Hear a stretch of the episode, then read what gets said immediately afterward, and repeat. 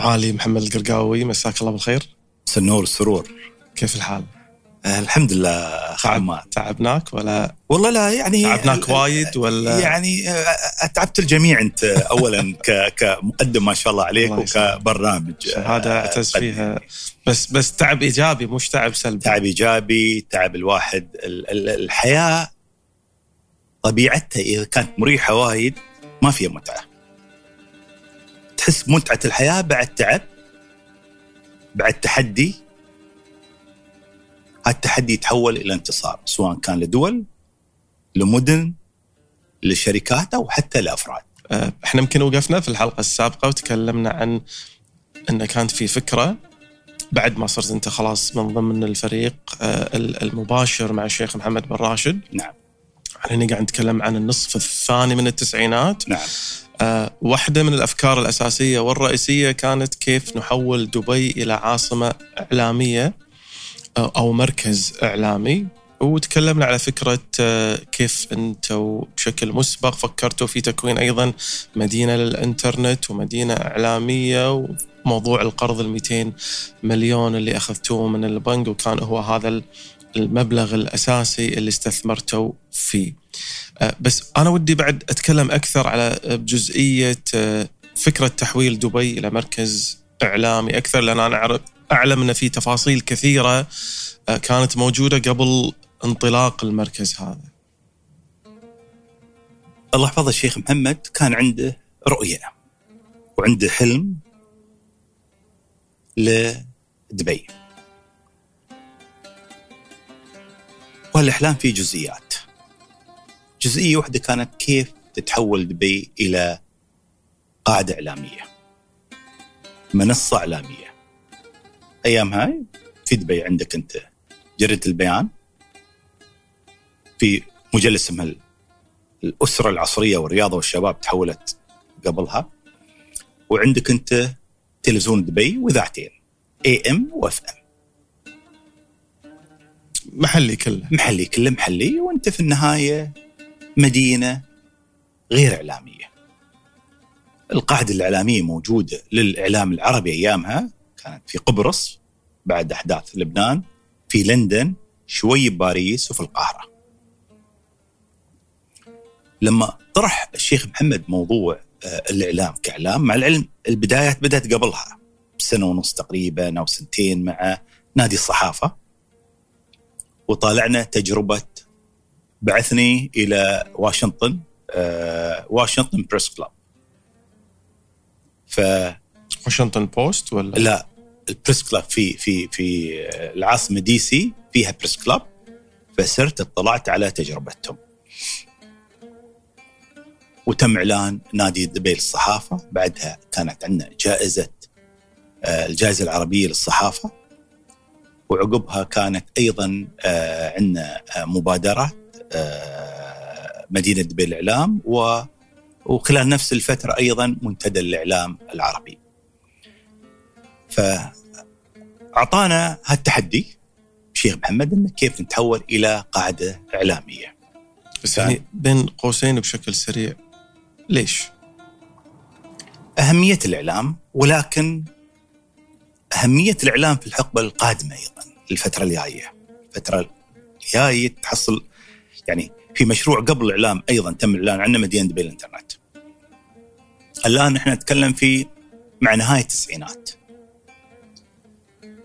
العالم كان ما زال يستخدم أريكسون ونوكيا والتليفونات الصغيرة يعني في النهاية.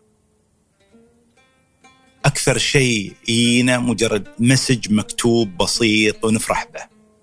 ووردة وقد تقدر ترسمها يلا يلا تبين إنها وردة في التليفون. وعندك الكيبلز في في أوروبا وفي أمريكا وعندك الإعلام التقليدي جرايدنا وتلفزيوناتنا التقليدية. الحقبة هذه هي حقبة كانت استباقية. خلال عشر سنوات الجاية أو 15 سنة ولا 20 سنة في شيء بيحصل. شيء بيحصل في الإعلام وفي التكنولوجيا. لهذا كانت هناك مدينة الإعلام وبالضبط عدالها مدينة للتكنولوجيا هي مدينة دبي الانترنت ومثل ما ذكرنا أن الإنترنت أيضا كان شيء يعني في احتمال كان يمنع لأن في في, في الإعلام كان الإعلام المحلي في كان طرح إن هل هذا جيد للمجتمع؟ غير جيد لازم نمنعه؟ لا. فهذا الطرح اللي كان موجود في الساحة. كلفني الشيخ محمد بالمشروعين هذيلا لأنه اولا نظرنا المشروعين مشروعين مرة ثانية الإنترنت ولا؟ وال... منفصلين ولكن في تكامل بينهم. في في خطة تكاملية بينهم لأن المستقبل لما اليوم نطالع الموضوع لا موضوع واحد. لأن في محتوى اللي هو في الإعلام وفي تقنية اللي هي في الإنترنت اندمجوا مع بعض اليوم على تليفونك على سبيل المثال. فالفكرة الاستباقيه يمكن قبل وقتها ب 15 20 سنة كانت. وفكرة شجاعة كانت. فيها مخاطرة عالية لأن في احتمال ما تحصل. أوكي 10% ال... الإنترنت هذا بيمشي ان الناس ما كانت تعرف مثل أي جزئية ثانية كانت موجودة في بعض الأمور تتحرك في البداية وتوقف في التقنيات. التحدي الثاني كان اشتغلنا بدون ميزانية. موضوع القرض اللي تكلمنا عنه. نعم تعال ما في دعم حكومي للمشروع. المشروع مع ان هي الفكرة فكرة حكومية. الفكرة فكرة حكومية والطرح طرح حكومي. في النهاية المدن الإعلامية في الأماكن الثانية مملوكة من الحكومة. حكومات تدعمها وتمولها وتنشئها. ف اعطانا تحدي ثاني الشيخ محمد. ماشي ميزانية. فتكلمنا مع البنك البريطاني أيام اسمه للشرق الأوسط اللي تحول إلى HSBC وأخذنا قرض 200 مليون. أنا أعتقد أهم رأس مال كان هذا. ما أخذنا شيء من الحكومة. وقصة عقب ذكرني أكلمك عنها إنها كيف تحولت 200 مليون إلى 100 مليار درهم من 200 مليون من 200 مليون دولار 100 مليار في سنة 99 إلى 100 مليار درهم. فنظرنا للمشروع ككل في النهاية ولكن يعني طريقة عملي شوي مختلفة أيضا، يعني ما نظرت للمشروع مشروع فقط إعلامي ولكن هذا مشروع اقتصادي. الهدف هو بناء قاعدة اقتصادية تضيف لاقتصاد دبي. فنعم مدينة دبي الإعلام ولكن هو مشروع اقتصادي. نضيف قاعدة اقتصادية جديدة لدبي مدينة دبي للانترنت نضيف قاعدة اقتصادية لدبي هو قطاع التكنولوجيا اللي ما كان موجود في دبي سنة 99 نبغى نتحول إلى مركز لشركات التكنولوجيا العالمية والمحلية والإقليمية. ونخلق بيئة للشباب شباب المنطقة يعملون من مدينة بالانترنت وفي الإعلام نفس الشيء. بالإعلام شنو صار؟ الإعلام اشتغلت على اللي بالإنجليزي يسمونه cluster economy يعني ما نظرت الاعلام بس مجرد البث تلفزيون. اولا نحن اتفقنا إنه نحن ما بننافس الناس اللي بيجونا هذا واحد. لا لأن بس هني ليش okay إحنا ما نبي ننافس الناس اللي يجونا بس ليش ما إحنا نخلق وسيلة جديدة ننافس فيها الآخر. إذا كانت عندي أنا فكرة إن أنا دبي أبي أحولها من إلى أنت أنت منصة اليوم. أنت منصة اليوم. تلفون Apple. تلفون Apple. تلفون Apple منصة. منصة للجميع على فكرة. Apple Store منصة للجميع. الأبات الأبس كلها منصات. هاي أو أو التليفون نفسه منصة. فدبي منصة. لازم تفكر دبي منصة للجميع. لهذا أنت عندك دبي مثلا موضوع التنافسية فيها عالية. موضوع الأجواء المفتوحة. كفلسفة تكلم. فلسفة من زمان بدأت هاي. من اليوم بدت من 1903 1903 فالانفتاح والمنافسة في دبي موجودة. الحكومة ما تنافس القطاع الخاص. أنا عندي إمكانيات. فالاتفاق كان أن نحن نخلق قاعدة إعلامية اقتصادية. نتكلم الآن عن يمكن بالعربي أنا أسميها الاقتصاد التكاملي. ك ك ك كمنظوم في ذهني لما انظر للإعلام أنا أقول تعال. أغلب المدن الإعلامية مدن إنتاج. أنا با بس ابى نشر ابى مراكز أبحاث ابى استشاريين في الإعلام ابى مكاتب حسابات في الإعلام ابى مكاتب تدقيق في الإعلام ابى متخصصين عملنا حاضنات أعمال في قطاع الإعلام. بغينا وكالات أنباء فالعملية كانت عملية تكاملية. أنا أسميه الاقتصاد التكاملي بس هي كل واحد يكمل الثاني. اقتصادية صرفة ولا اقتصادية بصراحة وفيها سياسة أيضا؟ طبيعي ال ال ال الاقتصاد سياسة. يعني قرارك أنت أنك تكون مركز اقتصادي هو قرار سياسي في الأساس. يعني اليوم نحن في العالم العربي مشكلتنا الأساسية كلمة السياسة تستخدم بطريقة خاطئة. في أمريكا ما يتكلمون عن سياسة أمريكا في الشرق الأوسط. يعني ما في يو اس politics in the Middle East. في مصالح أمريكا في الشرق الأوسط. مصالح. United States interest in the Middle East. مع الأسف في العالم العربي نحتاج نغيرها مرادف السياسة. هي مصلحتك أنت كدولة النهاية. فالسياسة هي مصلحة بلادك. فهذه هي السياسة. فمصلحتنا نحن اقتصادية. إحنا في النهاية مدينة تجارية اقتصادية. مصلحتنا اقتصادية. مصلحتنا ما بسياسية. ما قمنا قنوات سياسية. أو مذهبية. أو طائفية. فلسفة الشيخ محمد يقرب وفلسفة أبوه الشيخ راشد يقرب ما يبعد. محب يحبب الناس في بعض يقرب الناس ببعض وعلاقاتنا جيدة مع الجميع. وهاي السياسة موجودة من زمان يعني في النهاية أبا عن جد موجودة. طيب التحديات شنو اللي كانت؟ يعني موضوع إنك تحول دبي في تحديات طبعا داخلية.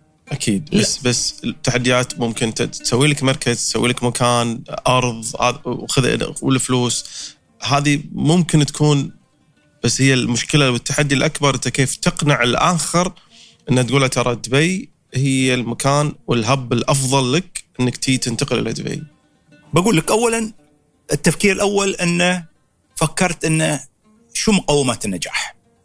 ما بكون تقليدي في في عملي ابى أخلق اقتصاد تكاملي إعلامي واقتصاد تكاملي في قطاع التكنولوجيا.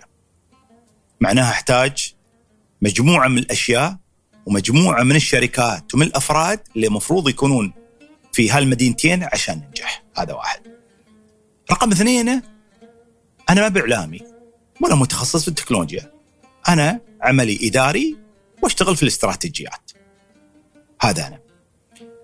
فالمرحلة الأولى جبت مجموعة من الشباب الممتازين اللي اشتغلوا على المشاريع هذه.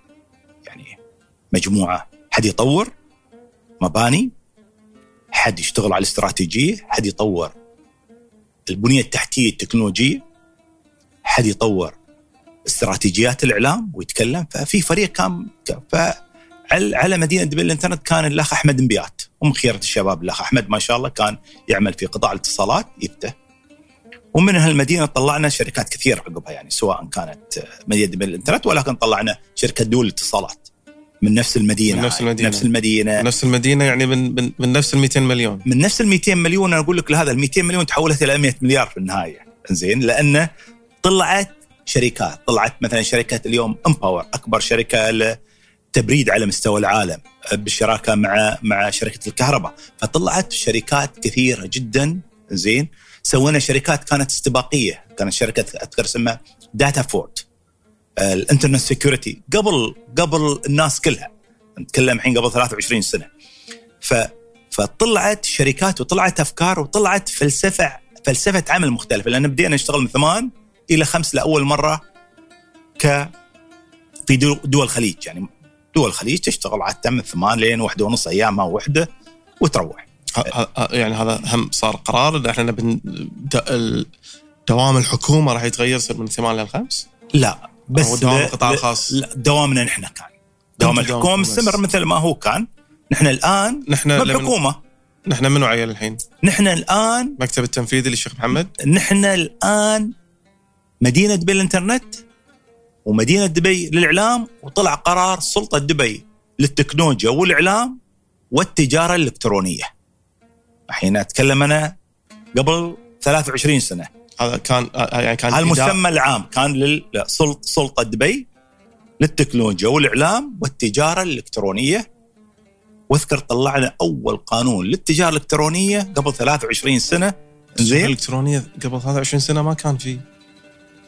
كان في. في؟ في شيء بسيط تو بادي ولكن إحنا يعني كنا متحمسين للمستقبل كنا. ومحاربين كنا والشيخ محمد داعمنا ومحمسنا ومعانا. في- الفكر هذا. سلطة دبي للتكنولوجيا والإعلام والتجارة الإلكترونية. وهذه كانت منو آه،؟ كنت أنا ماسكنها وندير هذا المشروع اللي أعطانا إياه الشيخ محمد. وبإشراف مباشر من الشيخ من محمد الشيخ مراش. محمد. يعني يعني خلاص. مرجعيتنا. الوحيدة الشيخ محمد. فاشتغلنا بفكر يمكن أول مرة في فكر مختلف في الحكومة. فكر مختلف تماما. لأول مرة موجود. انه تعال. أنظمتك تغيرت. دوامك تغير. آه، التزاماتك موجودة. آه، تقدر تعين و- وتشل حسب أداء الموظف. وفي مجموعة الشباب يبناهم من القطاع الخاص. يبتم القطاع الخاص. وممتازين صراحة. دائما إماراتيين. إماراتيين. آه كلهم إماراتيين. من خيرة الشباب اللي, اللي اشتغلت معاهم واشتغلوا بجهد وإخلاص وللبلد وبمحبة. فعلى موضوع مدينة بالانترنت بدينا. يعني قبل ما تكون عندنا شركات قبل ما تكون عندنا 200 مليون قرض الحين جزء منه بدينا نبني المباني هاي ليه؟ على الاصل في الأصل بتي شركات بتكون فيها. ما ندري بتي ولا ما بتي ولكن قرار نبدأ. أيضا مدينة دبي اعلام بدا البناء فيها في نفس الوقت تحركنا. في الفترة هاي كان كراش كورس إن نحن على موضوع التكنولوجيا وعلى موضوع الإعلام. فاهم فاهم أنا الآن القطاع الإعلامي تحدياته كيف نكون شو احتياجاته ولكن كان قطاع أيضا موجود في لندن مثل ما قلت موجود في قبرص شوي باريس ودول ثانية. فمع مع مجموعة الشباب اشتغلنا أذكر مدينة دبي الانترنت اعلنها تم الإعلان قبل تم الإعلان عنها في 29 أكتوبر 1999 أعلن عنها الشيخ محمد. وأعطانا 365 يوم للإنجاز سنة وجود الشركات سنة البنية التحتية ذكية كل شيء بناء الفريق. أذكر يوم بدينا ما عندنا مكاتب مجرد فكرة كانت. فاستخدمت نادي دبي للصحافة لحد ما كمقر. كمقر يعني مؤقت يمكن لمدة شهر لما ابني الفريق. ها يعني أنتم إحنا عندكم آه، مسمى السلطة وعندكم البروجكت آه، أنتم بس بس ما عندنا ما عندكم الموظفين لا عندكم لا عندكم دعم وفلوس من الحكومة ولا عندكم مكاتب. موظفين ما عندنا مو- موظفين ولكن عندنا دعم أهم شيء عندنا دعم الشيخ محمد. هذا أهم شيء. وتحدي الشيخ محمد اللي وضع لنا سنة خلصوا المشروع. فبديت المكان في نادي دبي الصحافة يمكن لمدة تقريبا شهر لما ادور مكان. عقبه حصلت مكان على شارع الشيخ زايد. أيامها كان أفضل مبنى في في دبي أفضل فندق Holiday Crowne Plaza عداله مكاتب كانت. فأجرت مكان لأن عندنا 200 مليون قرض اضطريت إني ما آخذ أثاث جديد أجرنا أو اشترينا أثاث مستخدم للمكتب هذا. مكتب حينه نواة مدينة دبي الانترنت ونواه مدينة دبي الاعلام. ربع طابق يمكن أثاث مستخدم وبديت أعين الشباب. الأخ أحمد بن بيات، الأخ سعيد حسين، سعود، حفصه العلماء كانت عندنا مجموعة الشباب بدأوا بدأوا يشتغلون آه، في الفترة إيمان المدفع أخاف أنسى مجموعه يعني مجموعة شباب خيرين كانوا معانا في الفترة هاي. أه ف فرحان فريدوني ومجموعة أخرى فبدينا تدريجيا نشتغل على المشروع بناء الفريق وزعنا فهمنا الأعمال خلال يمكن شهر. ولكن تحدي تحدي. عندك ميزانية محددة ما اخذناها من البنك أنت 200 مليون قرض. وعندك تحدي أن الشيخ محمد يتابع الموضوع بصورة يومية. يعني في النهاية نعم نحن موجودين ولكن هو خلى اسمه في المشروع لأنه أعلن عن المشروع. فمستحيل إنه ما يصير. المباني ياسه شغالة بس ما عندنا حد. ما عندنا حد يأجرهم الحين في النهاية خلاص. الآن قاعدة اعلاميه تعال ما عندك أنت أصلا ما حد ما حد موجود. فاشتغلنا. يمكن اشتغلنا خلال سبع شهور ثمان شهور شغل عشرين سنة. بعد سنة إلا يوم. 27 أكتوبر آه 28 أكتوبر. الشيخ محمد أعلن في 29 أكتوبر 2099 28 أكتوبر 2000 حضر الشيخ محمد المسا. سوينا احتفالية. كلموا رؤساء الشركات العالمية. هذا دبي مدينة دبي. وتم افتتاح مدينة دبي للانترنت قبل موعد بيوم. وقال فيها أذكر في كلمته أكبر مخاطرة هي أن لا تخاطر. إذا ما خاطر الشيخ محمد في الأشياء كلها اللي سواها اللي سواها ما بك ما بتكون دبي هي دبي. فخاطر في أمور كثيرة. في, في موضوع مدينة دبي بما تكلمنا عن الإنترنت آه، آه، مسألة مفاوضة شركات منو أكبر الشركات اللي في هالفترة الأولى؟ طبعا بعدين لما استقر الوضع أكيد الشركات هي اللي تسعى الحين بدينا كل الشركات موجودة عندنا.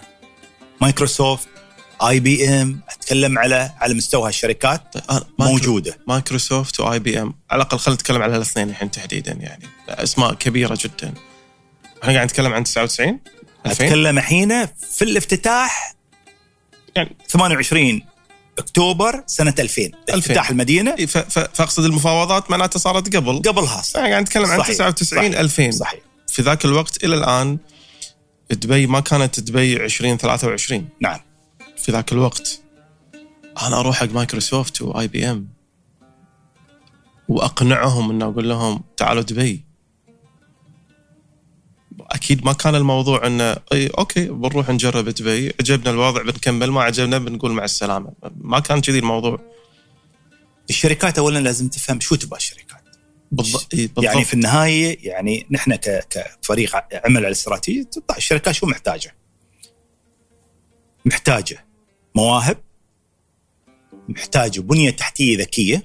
وفي الفترات هذيك ما في مفهوم البنية التحتية الذكية السمارت انفراستراكشر محتاجين شبكة اتصالات قوية. سوينا لها شبكة اتصالات داخلية نحن في مدينة دبي الانترنت. بعد معركة كبيرة مع اتصالات.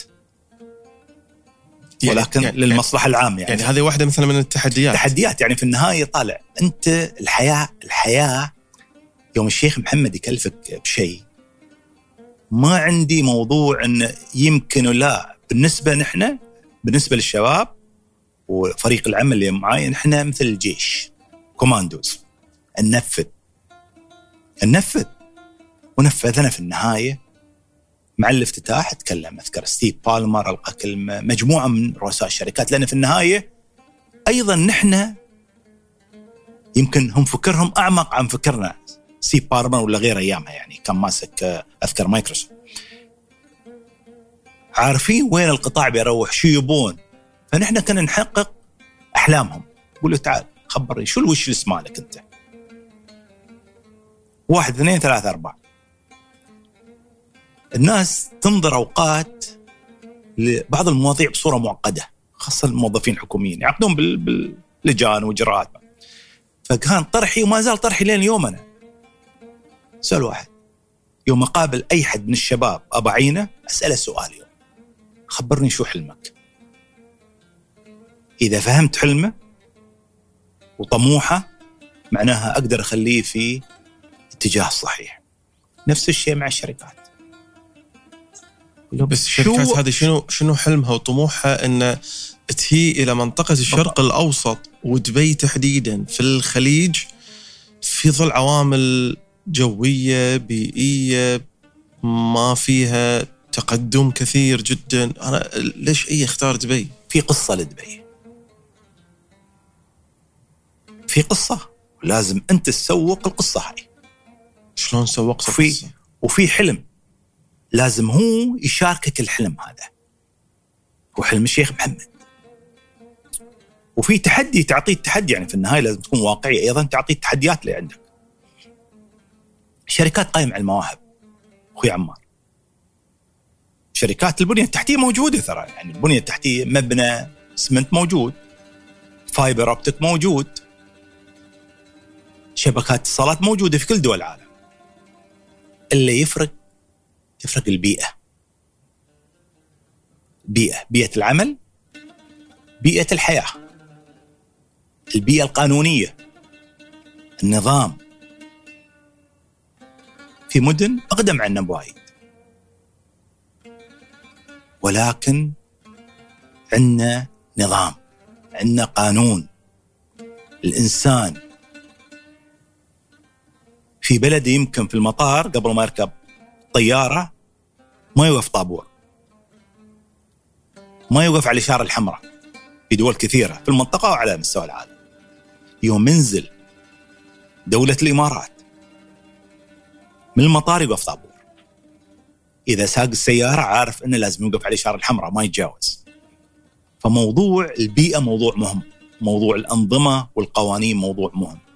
موضوع المستقبل موضوع مهم. في النهاية أنت الشاركه حلمك أنت. وين ساير؟ السؤال. شاركناهم هالأمور كلها وكانوا شركاء معانا هالشركات كشركاء. اعطني مثال مثلا على مايكروسوفت أو آي بي إم. راح أخلي ال- أنا اليوم- الاختيار عندك. أنا- أنا أحتاج أفهم مثلا مع السادة المشاهدين إن الشركات الكبيرة أنا شلون أقدر أقنعهم وأقول لهم تعالوا جربوا دبي نحن اليوم اولا الناس إذا تصير تكلمهم بس في أمريكا صعب يقتنع بالشرق الأوسط. يعني في في نظرة نمطية عن الشرق الأوسط يعني منطقة فيها مشاكل، حروب، إرهاب، آه، ناس متخلفين هذيلا ما في حقوق الانسان. فكنا ندعيهم نحن. يا جماعة تعالوا طالعوا بلادنا. يوم يجون النظرة تختلف تماما.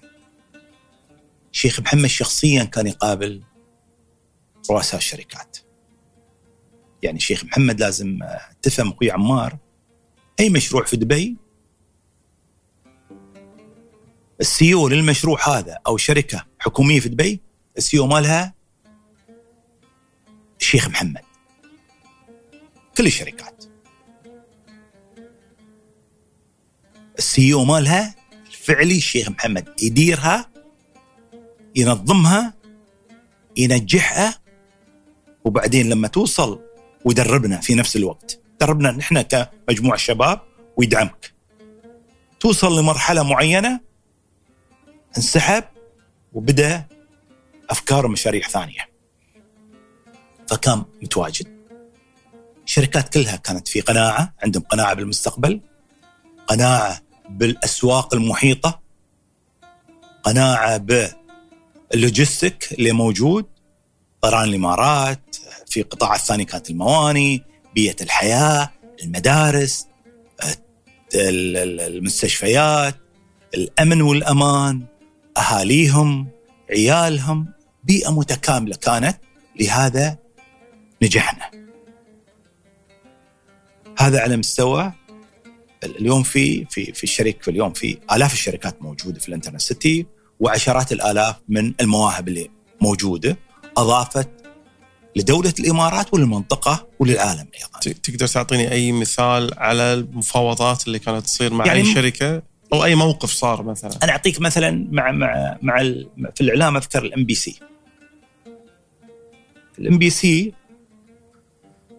الآن عندنا مباني في مدينة دبي للإعلام قريبه من ال Internet City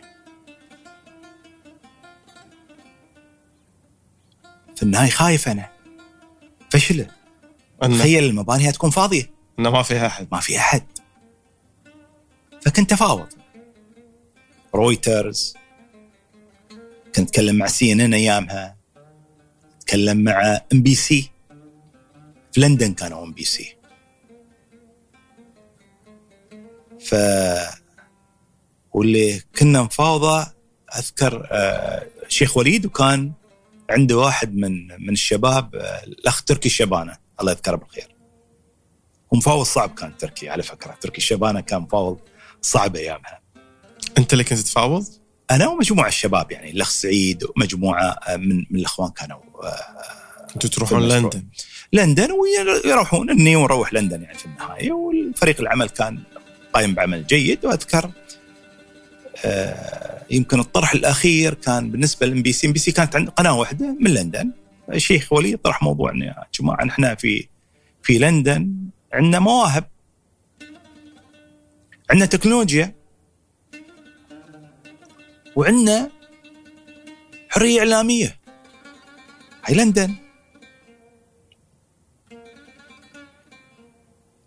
الحين المواهب مقدور على موضوع المواهب. تكنولوجيا نقدر نوفر التكنولوجيا. الحريه الإعلامية هذه. الحريه الإعلامية يعني تعرف في قوانين في تشريعات في أمور كثيرة. مو بقراري أنا. فصرت عند الشيخ محمد. قلت له طويل العمر يعني مع الام بي سي يعني أباهم as يعني يكونون anchor في في مدينة دبي الإعلام. عندهم متطلبات ممكن في شيء واحد ما أقدر أنا. اتخذ قرار فيه يبون حرية إعلامية تامة. فقال كلمه قال لي محمد في المستقبل ما حد يقدر يقيد البث اللي يبيه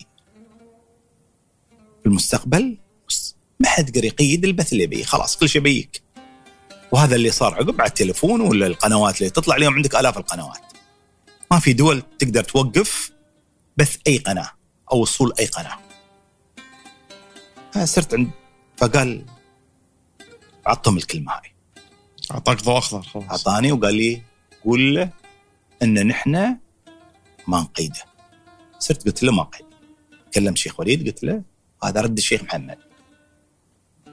إم بي سي وقنواته. اليوم إم بي سي تقريبا عندهم 18 قناة. يوم انتقلوا مدينة بالإعلام من قناة واحدة في لندن إلى 18 قناة بالإضافة إلى العربية والحدث كانت. مفاوضات صعبة مع الام بي سي خذت وقت يعني اخذت ولا- وقت ولكن اقتنعوا في النهاية. في النهاية اقتنعوا. اليوم في تقريبا 20 قناة. بدينا بقناة واحدة. في مدينة الإعلام تحولوا إلى 20 قناة لأن في سوق أيضا كذلك.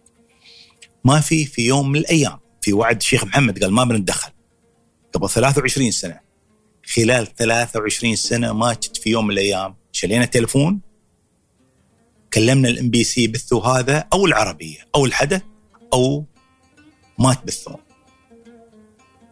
أذكر أيام الغزو الأمريكي للعراق أيضا. 2003 هي 2003 2004 طلعت العربية أذكر أيامها.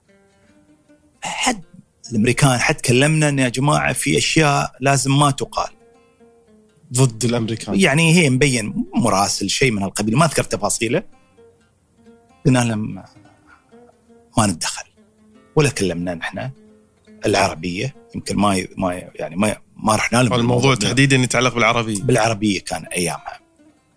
ولكن وعد الشيخ محمد لهم خلال 23 سنة نفذ ولا حد كلمهم والأمور كلها الحمد لله. وعقب عندنا رويتر سي ان ان كان توهم بادين بالعربي عندهم مواقعهم. اليوم مدينة دبي الاعلام تضم مئات القنوات التلفزيونية. ما تبث العالم العربي على فكرة اللي تبث للهند والافريقيا أكثر عن العالم العربي. ما تحولت إقليمية تحولت عالمية. ونفس الشيء أيضا مدينة دبي للإنترنت.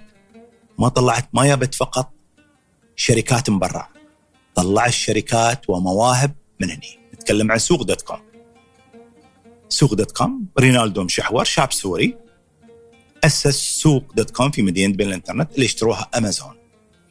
كريم اللي انباعت إلى أوبر تقريبا في حدود فوق 12 مليار درهم. وشركات كثيرة جدا unicorn. كريم أيضا طلعت من طلعت مدينه, مدينة دبي الإنترنت. الإنترنت. وشركات كثيرة يعني. فخلقت للشاب في المنطقة سواء الشباب العربي وحتى من الهند من أفريقيا من محيطنا قاعد لهم يحققون أحلامهم. رينالدو مشحور حقق حلمه. اليوم هو نائب رئيس أمازون. وغيره وغيره وغيره. ف, ف فالفكرة كانت بس عشان نوضح أكثر للمشاهدين الآن مرة ثانية الكلمة اللي ذكرتها قبل شوية أبو سعيد انه في مدن مدن إنتاج إعلامية عديدة موجودة على المستوى العربي ويمكن أيضا على المستوى الإقليمي والدولي. بس شو اللي يفرق مدينة الإنتاج الإعلامي في دبي عن بقية هذه المدن؟ مدينة دبي للإعلام بسيط. نعم مدينة دبي الاعلام هي اقتصاد إعلامي. التلفزيون محتاج محتاج إلى شركة دعاية واعلان. هذا موجود في المدينة. موجود عد كل الشركات موجودة هناك. الدعايه والإعلان. التلفزيونات موجودة. شركات الدعاية والإعلام موجودة. شركات المحاسبة في القطاع الإعلامي موجودة. الشركات الاستشارية القطاع الإعلامي موجودة. المدققين القطاع الإعلامي موجودين. الموهوبين القطاع الإعلامي عندهم حاضنات. ففي النهاية هذا اقتصاد تكاملي. ويكبر. يعني اليوم أنا أقول هذا الاقتصاد الاقتصاد الإعلامي على ال autopilot نفس الشيء في مدينة دبي للإنترنت النمو عندهم السنة 20% ما يقارب 20% على سبيل المثال. ف يمكن موضوع الاقتصاد التكاملي يسوونه لكل قطاع من القطاعات. عقب نفذته في كل شيء يمكن بديته في في في مدينة دبي الانترنت ومدينة دبي الإعلام عقب طبقته في جميع المدن والمشاريع اللي قمت بها. كلفني الشيخ محمد إني آه، أعمل عليها. واللي كلها كان راس مالها 200 مليون؟ بدينا 200 مليون دولار قرض من HSBC عقبها طلعت من دبي القابضة 2018 تقريبا يعني ولكن رحلة كانت تقريبا 19 سنة. راس مال دب... تحولت إلى دبي القابضة بعدها في 2006 حولناها حولنا المشاريع طلعت عقبها عندنا عشرات المشاريع والشركات. عشرات الشركات طلعت يعني لأن الشيخ محمد يمكن فكره كان مختلف. طموح أكبر. لا تأخذون دعم حكومي خذوا قرض. القرض هذا تحول إلى 100 مليار درهم مملوكة من الحكومة مو شركتنا نحن مملوكة تحولت إلى الحكومة آه تماما. ف الفكر كان فكر مختلف في استثمار.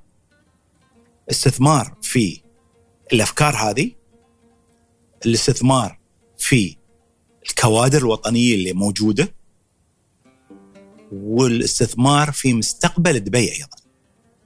يعني يمكن هالمشروعين كانوا نواه.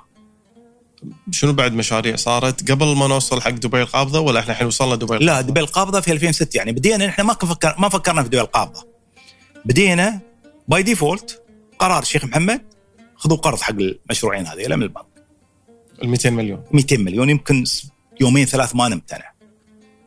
يعني كيف قرض؟ صعبة. والمنطقة كانت بعيدة برا دبي يعني منطقة في نص دبي جذابة كيف يجيب شركات والشركات فيها موهوبين ويحتاجون يعني. ولكن قبلنا بالتحدي لأن في ثقة بالشيخ محمد خلاص. عقب مدينة دبي للإنترنت والإعلام بنى فريق عمل في منظومة معينة وفي فلسفة واستراتيجية أيضا. نفس التيم اللي أنت كنت نفس اللي هو سلطة دبي؟ سلطة دبي للتكنولوجيا والإعلام والتجارة الإلكترونية. مجموعة شباب وشابات. جاية اشتغلنا على أمور كثيرة. ولكن أيضا في نفس الفترة وأنا أشتغل على مدينة دبي الإنترنت والإعلام الشيخ محمد كان يعطيني بعض الأمور اللي تتطلب فيزابيلتي ستدي ولا تتطلب كذا فأذكر ما لها علاقة بالتكنولوجيا والإعلام فخلقت فريق عمل ثاني وأجرنا مكان ما عندنا مكان فأجرنا مكان في أبراج الإمارات في الفندق في الطابق الرابع في business floor طابق الأعمال تقدر تأجر مكاتب صغيرة يعني غرف صغيرة مكاتب قاعة اجتماعات. فبديت يمكن بثلاث من الشباب. الشيخ محمد يعطينا بعض الأشياء لدراساتها وبعض الاستراتيجيات نشتغل عليها. توقع شيء مؤقت أسبوع أسبوعين وبنخلص خل... قال لا شيء ثاني شيء ثالث.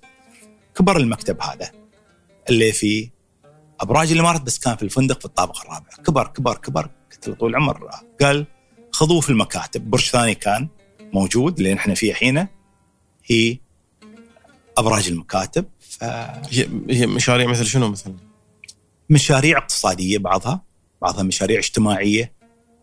بعضها مشاريع الحكومة. مختلفة تماما عن عملي في مدينة دبي الانترنت والتكنولوجيا. فشكلت فريق عمل مختلف.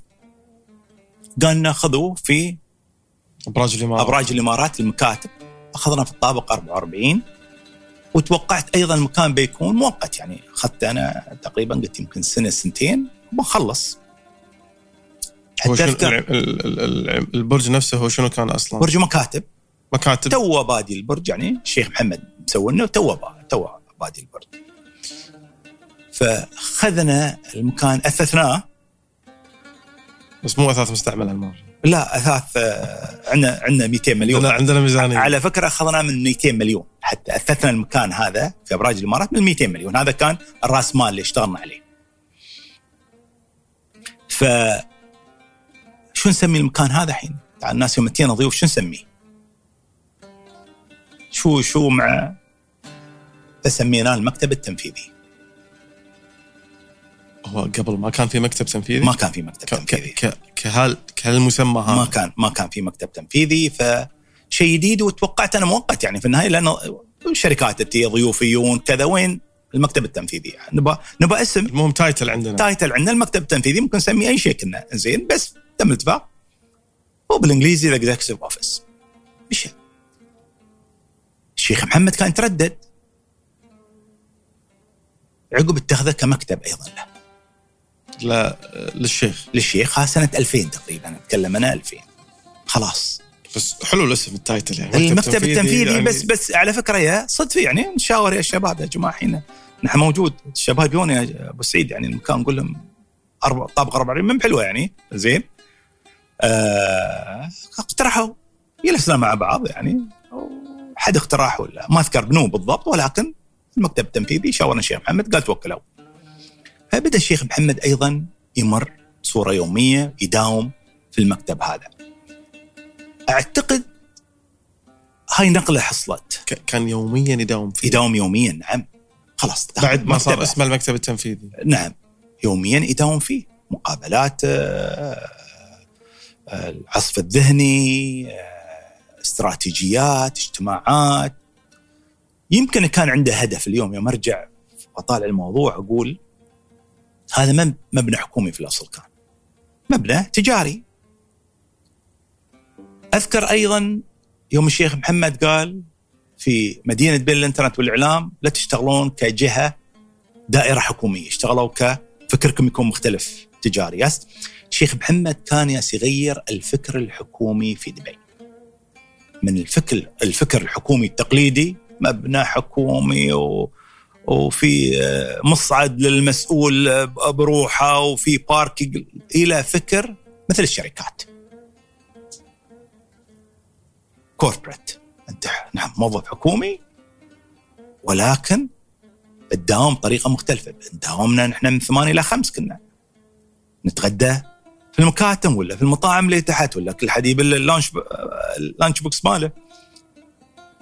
فالشيخ محمد كانت عنده فلسفة في الفترة هذيك أن كيف أغير المنهجية الحكومية الاعتيادية. تغيرت اليوم نطلع بعد 23 سنة من سنة 2000 إلى 2023 اليوم غيرها تماما. في استراتيجيات واضحة في مؤشرات واضحة مؤشرات أداء في عمل مرن في خطة مستقبلية في مرونة عالية. تغير تغير عمل حكومي ولكن هاي فلسفته اللي موجود واعتقد يعني يوم قالنا انتقلوا إلى أبراج الإمارات كان مخطط لليوم من أيامها. عارف بالضبط وين؟ اليوم اللي, اللي تحول البرج إلى إلى مقر مقر للشباب. فقال لي محمد okay أفصل بين الاثنين بين مشروع آه، سلطه دبي التكنولوجيا والعام والتجارة الإلكترونية وبين المكتب التنفيذي في فريقين عمل مختلفين. يعني أنت أيضا مسماك صار رئيس المكتب الحين كنت مدير المكتب التنفيذي. مدير المكتب التنفيذي. okay. لا لا بقول لك يعني مسماي المكتب التنفيذي تميت من 2000 لأن في البداية توقعت بيكون مؤقت. لين 2006 ما عندنا قانون. ما عندنا قانون في شنو؟ قانون بانشاء هذا المكتب بس مجرد طابق. دور ال 44 44 بدون قانون. و و... وعجبنا الاسم بنسميه مكتب بنسميه المكتب التنفيذي. إنزين لأن أعتقد يعني في النهاية جزء من مهامه. فتحول تدريجيا بتوجيهات الشيخ محمد إلى مكان له أعتقد الشيخ محمد كان يبى مجموعة من الشباب والشابات المواطنين. يبى يطلع منهم مجموعة. يبى يبني فرق عمل مختلفة. يبى عنده أفكار وايدة في المكتب ويطرح أفكاره. اشتغلوا عليها. فلان اشتغل على الموضوع الفلاني. فلان اشتغل على الموضوع الفلاني. كان حاضنه أيضا لأفكار الشيخ محمد وطرح المستقبلي. عنده مشروع الشيخ محمد. الشيخ محمد عنده مشروع مستقبلي كان. نتكلم من التسعينات. وكان يشوف أمور أغلب الناس ما تشوفها. يمكن طلعناش عن موضوع مدينة دبي الانترنت والإعلام ولكن نتكلم عن عن الشيخ محمد. كان يشوف أمور ما, ما كثيرين ما تشوفونها. وقالت يعني في مجموعة ما كان حتى شايفين اللي يشوف الشيخ محمد. أنتم إيش قاعد تسوون؟ وين رايحين؟ شو تسوون وين رايحين؟ كله غلط كله غلط هذا كله غلط. يعني كله غلط هذا اللي هذا ما شيء خطط ما شيء. في ناس ما يعبها شيء فلا غلط. فشيخ محمد مروح. شيخ محمد عنده إصرار وذكاء حاد. إصرار مصر على شيء معين. ومشغل مجموعة من الشباب على خطته وعلى فكرة سواء الأخ سلطان بن الأخ محمد العبار أنا واحد منهم مجموعة من الشيخ. قبلنا الشيخ أحمد بن سعيد مجموعة مشغل مجموعة من الشباب كل واحد عنده على قطاع معين على فكر معين عنده خطة ببالة راس منها وعارف وين ساير. أعطيك مثال بسيط. يعني يوم أختار موقع مدينة الاعلام والإنترنت زعلت أنا ما فاهم شو الموضوع ليش آخر الدنيا في البر؟ في نفس الوقت هو اختار المكان؟ هو اختار المكان شخصيا هو بباله وقال لك أنا أبي هالمكان. هالمكان. مو روح شوفه إذا ينفع لا ولا ما لا ينفع. لا لا خذني بسيارة. سرنا كنا توقعت رايحين ابو ظبي وين رايحين ما في شيء بين بين المنطقة اللي فيها يعني ما في ما في شيء. زين مناطق فاضية. توقعت بنصير أبو ظبي أو مينا جبل علي. قبلها بشوية لف. منطقة فاضية. فيها يعني جزء من الأرض صبخة شوية عراقيف فيها وكثبان فيها. وفيها منطقة آثار صغيرة أذكر. يعني هو قال لي هاي منطقة آثار ترى وعقبها اكتشفوا إنه يمكن عمرها 3000 سنة حافظنا عليها. قال لي محمد المشروع اللي أعلنت عنه البارحة هذا موقعه. صدمت أنا مشروع بعيد يعني بعيد. هو لما أعلن على المشروع الأرض كانت رملة. الأرض رملة صحراء. وقال لكم قريبة من البحر. عندكم سنة. إيه قريبة من البحر. وأعطانا سنة يعني تعال هني خلص المشروع هذا خلال سنة. في نفس الوقت هو كلم محمد العبار على موضوع دبي مارينا عدانا. كلم سلطان مسليم الشيخ محمد أنه تعال ابى أسوي مشروع في البحر وهذا تصميمه النخلة. النخل فهو مخطط ترى ال master planner. بس إنت ما كنت عارف على موضوع. يعني الحين عندنا الملامح هنا بدينا تدريجيا. لا وقت اللي قالك ترى هاي الأرض. هاي الحين ما نعرف النخلة ما تم الإعلان عنها. يمكن دبي مارينا متكلم يا الأخ محمد العبار كذا. فاليوم هو هو الشيخ محمد ياس عنده الصورة العامة للمدينة اللي نشوفها اليوم من أيامها. يعني النخلة ما زال بنى فيها لين اليوم. بس هو شايف المشروع في ذهنه قبل 23 سنة. نفس الشيء دبي مارينا. فهو ال master planner. وأغلب المشاريع هاي وأنت تقول لي تم عملها. أنت زعلت لأن المكان بعيد. اليوم بعيد. أفضل موقع في في العالم. اليوم أفضل موقع في العالم. وأجمل موقع في العالم اليوم. هو خلقه شيخ محمد. بس كان أذكر حتى موضوع مشروع النخلة يوم تم الإعلان عنه. تعال الناس بعد كل حد ينتقد. يعني تعال يا جماعة مشروع جميل بس تعال منو بيحارب البحر؟ بحر هذا. بتغلبون البحر أنتم ونفس الكلمة انت إيش قاعد تسوون؟ إيش؟ وعقب ما بدأ المشروع قالوا لا المشروع غرق أذكر. غرق. غرق نعم. هالكلام اللي طلع؟ الشيخ محمد مصر. مصر على المشروع في باله شيء. تشوف الصورة اللي نشوفها نحن اليوم بس تشوفه من 23 سنة.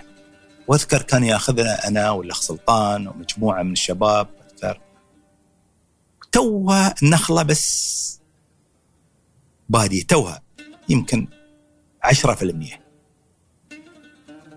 يبون الرمل نصير نسبح هناك دائما فمشاريع جزء منه. مشاريع الشيخ محمد هي جزء من تكوينه. جزء من حلمه. نخاف كنا. يعني كل مشروع أضخم عن الثاني. ولكن أنا أقول مشروع النخلة مثلا هو شايف السياحة. يوم حللها اليوم شايف السياحة. من أيامها. ويبقى نمو عالي في السياحة. بس عنده مشكلة. بي شواطئها محدودة. شواطئها المفتوحة الغير مبنايه أغلب الشواطئ فيها عليها بيوت ومواني ومشاريع. للسياح الشواطئ يمكن ما تتعدى 40 كيلو. خلق مشاريع النخلة اليوم زاد شواطئ دبي يمكن 500 600 كيلو زيادة. حتى كتصميم المشروع بصراحة في لحظة من اللحظات لما كنت تروح ويقول لك مثلا الشيخ بنسوي المشروع الفلاني بهالمكان أو أبيكم تسوون المشروع الف... بينك وبين حالك يعني. كنت تقول إحنا الشيخ إحنا ما راح نقدر نقول لا بس وراح نسوي. بس أنتم مو شايفين ال- المشروع هذا وين بيوصل. بعد خمس سنين الحين عشر سنين اليوم 23 لما تسوي فلاش باك تقول زين إني سمعت ال- أيامها كنا أوقات كنا نخاف بس تدري في واحد واقف معاك. بطل واقف معاك اسمه محمد بن راشد. داع منك. قالت المخاطرة عالية. بس داع منك. الإقناع أيضا ما بناك يعني على مدينة دبي للإعلام. أذكر. تعال شو تضحكون علينا؟ بعض الناس سمعت أنا. إحنا منو بينا كمركز إعلامي يعني في النهاية. يا جماعة بتحدون أنتم دول متقدمة عنكم مئات السنين؟ الجامع عندكم فاتحة قبل سنة 77 كنتوا تسمعون هالكلام؟ أسمع هالكلام؟ على مشاريع وايد وأوقات كنا ح... يعني أنا حساس وأوقات أنجرح. أنجرح أنت في النهاية شغل بلادك أنت جالس شو تشتغل تقصد الجامع من بني 77 يعني؟ جامعة الإمارات انبنى 77 جامعة. يعني ما أول جامعة في, في, في الدولة 77 نتكلم آه فإذا إذا عمر الجامعة الجامعة يا جماعة أنتم تتكلمون إعلام وتكنولوجيا وسارين المستقبل وكذا. يعني في ناس احلام. تحاول تكسر أحلامك وتجرحك. ونسمع الكلام. ولكن الشيخ محمد كان هو الداعم قائد. يعني في في النهاية زعماء وفي قادة في العالم. قذافي زعيم. محمد بن راشد قائد. يقود. بالكلام قليل الكلام. بالفعل. ما يتكلم وايد. إنجازاته تتكلم عنه. مثل الشيخ راشد بن سعيد الله يرحمه أبوه أبو الشيخ محمد. يمكن ما له إلا تسجيل صوتي مدته خمس ثواني. ولكن إنجازاته تتكلم عنه. الرجال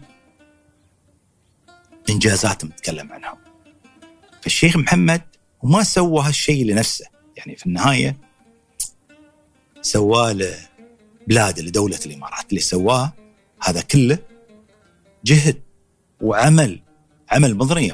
مر علينا الساعة 6 الصبح واتصل بك انتين بالليل. وأول تليفوناتنا ما كانت على السايلنت قبلها مع التكنولوجيا السنة ما موجودة. يعني شغال أنت 24 ساعة من الصبح لين آخر الليل وتليفونك شغال. يعني خلي التليفون شغال أوقات يعني الشيخ اتصل ولكن يمكن عشرة بالغلط متصلي بك في نفس الوقت فرقاتكم برقات ولكن كنا نحن محبين ومجاهدين ل لهذا القائد. ولبلادنا كنا يعني شاركنا هذا الحلم. خلانا جزء من هذا الحلم. أنا موضوع الحلم هذا بحاول أستعرضه أكثر معاك أبو سعيد لكن بعد بعد مدينة دبي للإنترنت والمدينة الإعلامية. الإعلامية. بعد شنو؟ المشاريع اللي صارت تحت عنوان سلطة دبي قبل المكتب التنفيذي. يعني مش تحت آه طلعت من مدينة دبي آه الإنترنت والإعلام اللي تحولت عقب دبي القابضة في 2006 مشاريع كثيرة. أبرزها. أبرزها أعطيك مثال طلعت شركة دو للاتصالات من منها. okay؟ طلعت أكبر شركة تبريد مركزي في العالم district cooling في العالم Empower منها بالشراكة مع هيئة الكهرباء والمياه. طلعت مدينة دبي الأكاديمية اللي فيها اليوم تقريبا 27 جامعة وحوالي 30 ألف طالب منها.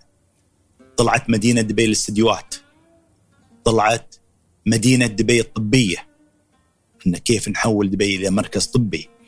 طلعت مدينة دبي للتصميم. كلها للحين ما وصلنا حق دبي القابضة. الحين بعضها طلعت لا بعضها طلعت عقبها بس أنا أحاول أسرد ما أنسى بعض الأشياء اللي, اللي موجودة. من ضمن المجموعة نفسها نتكلم اليوم في منظومة شغالة. من ضمن منظومه اشتغلنا على مدينة دبي الإنسانية وبدايتها كانت في المنطقة العسكرية الوسطى وين برج خليفة المنطقة كانت فيها مستودعات. اخذنا مجموعة المستودعات.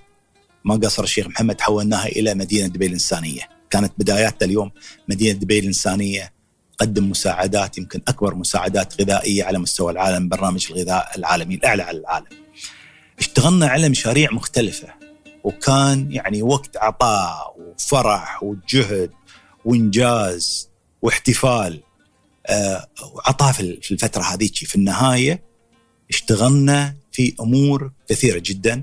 اشتغلت على المركز المالي. ما كان يعني طلعت أنا من دبي القابضه المركز المالي. الشيخ محمد المركز المالي بتكلم عنه بعد شوي. بس فكرة أسمعك أبو سعيد ذكرت أكثر من مرة آه، مدينة دبي للإعلام مدينة دبي للإنترنت مدينة دبي الطبية مدينة دبي كذا مدي...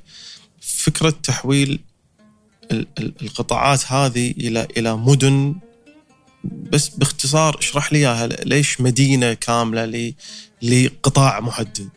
شموليتها كانت يعني أول مشروع تم تسميته مدينة كان مدينة دبي الإنترنت. الفكرة الأساسية أنت تتحول مثل السيليكون أو آه سيليكون فالي أن كيف نحول هاي مجموعة متكاملة حولها سكن حولها مدارس حولها جامعات في الجامعة الأمريكية مكاتب. فبدت الفكرة أنه خلنا نبني شيء متكامل ونعتمد في كل شيء على بعض. فبدأ مفهوم لخدمة هال هالقطاع هذا, هذا المشروع هذا القطاع. وعقب حصل كروس ليفرج يعني مدينة الإعلام نفس الشيء يحولنا دبي مارينا وعقبها النقله وعقب مشاريع كثيرة. ف يعني في النهاية استقطبنا شركات اللي سكنت في دبي مارينا على سبيل المثال. ف أو في النخلة عقبها. فمفهوم المدن بدأ من هناك يمكن أول ناس طرحوا موضوع موضوع المدن المتكاملة وتحركت العملية لين أعتقد آخر يعني مشاريع كثيرة في استوت في في الفترة الأخيرة كلها تحمل صفة المدن ولكن هاي كانت الفلسفة بالنسبة للمدن إلا مركز دبي المالي يوم اشتغلت عليه ما سميناه مدينة.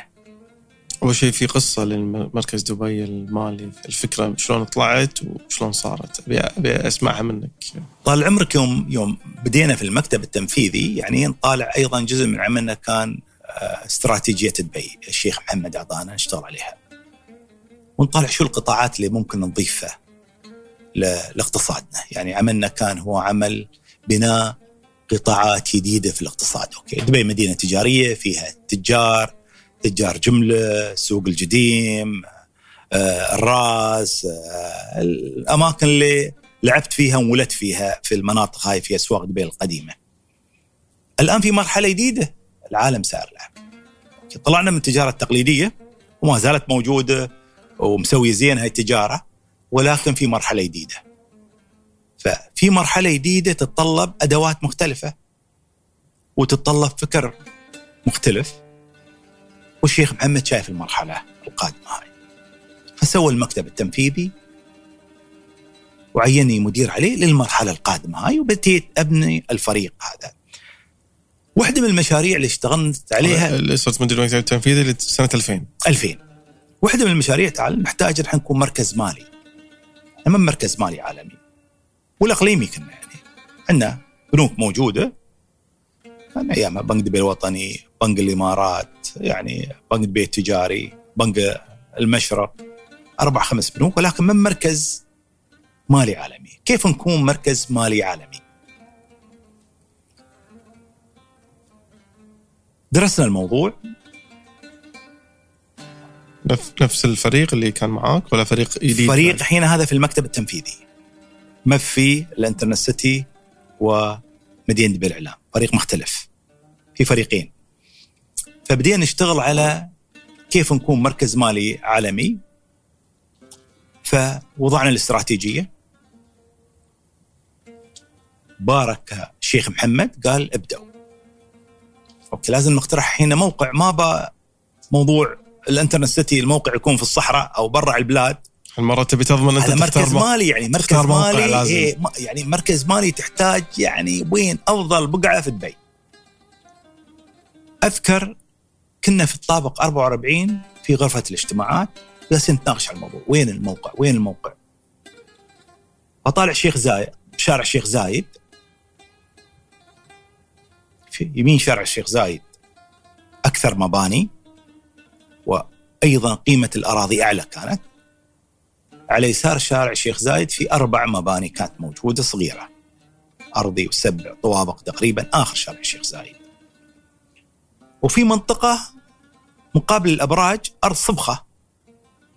توقف فيها شاحنات الخضار التي من الأردن وسوريا تسير سوق الخضرة شاحنات خضار. إيه. فواكه و... فواكه توقف فيها يباتون أعتقد فيها زين يسرون سوق الخضراء هم رادين يردون بلادهم يوقفون. تم الشاحنة. محطة انتظار أكثر يعني ارض صبخه يابس الأرض ف وعلى شارع الشيخ زايد اللي يطلعهم على على الهايوي يعني في النهاية. ما كانت أرض يعني جذابة تعتبر. يعني ياسين فكر ان هاي الأرض الأرض المناسبة. حد يقول هي من الشباب حد يقول لي لا محمد يعني تعال الأرض طالع شو فيها صبغة. بزيارة الشيخ محمد للمكتب. قلنا له هذه الأرض. انت فوق قاعد إحنا فوق 44 طالع تحت الحين وكم شاحنة خضار تحت.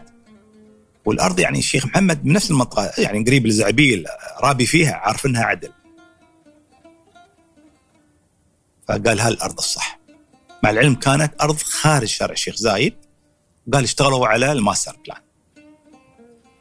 خلال أسبوع مخلصين ال master plan لحين ما تم الإعلان عن المشروع.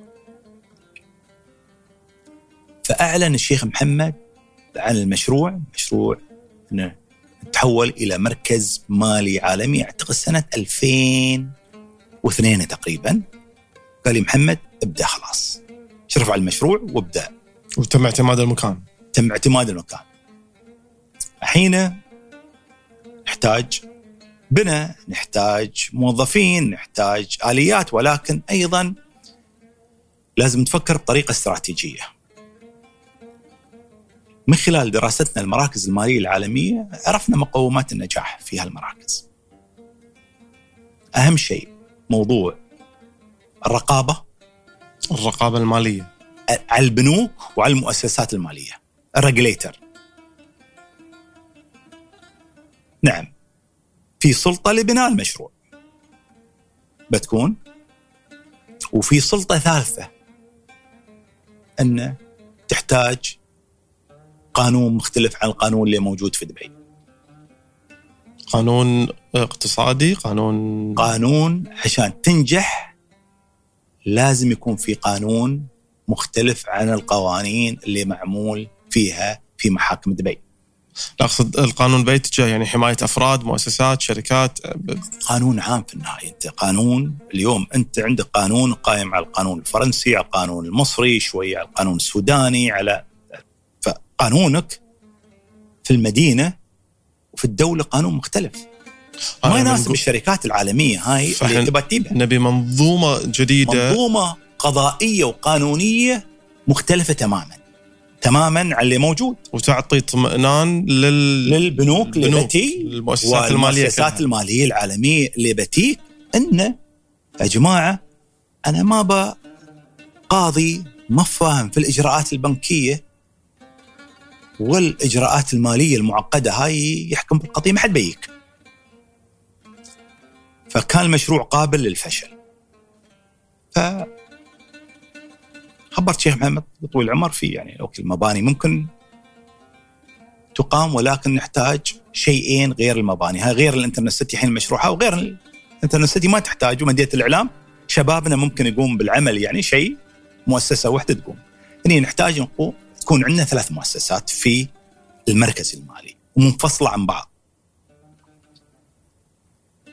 مؤسسة المركز المالي للإدارة اليومية البناء والعقارات والتأجير والأمور هاي كلها نحتاج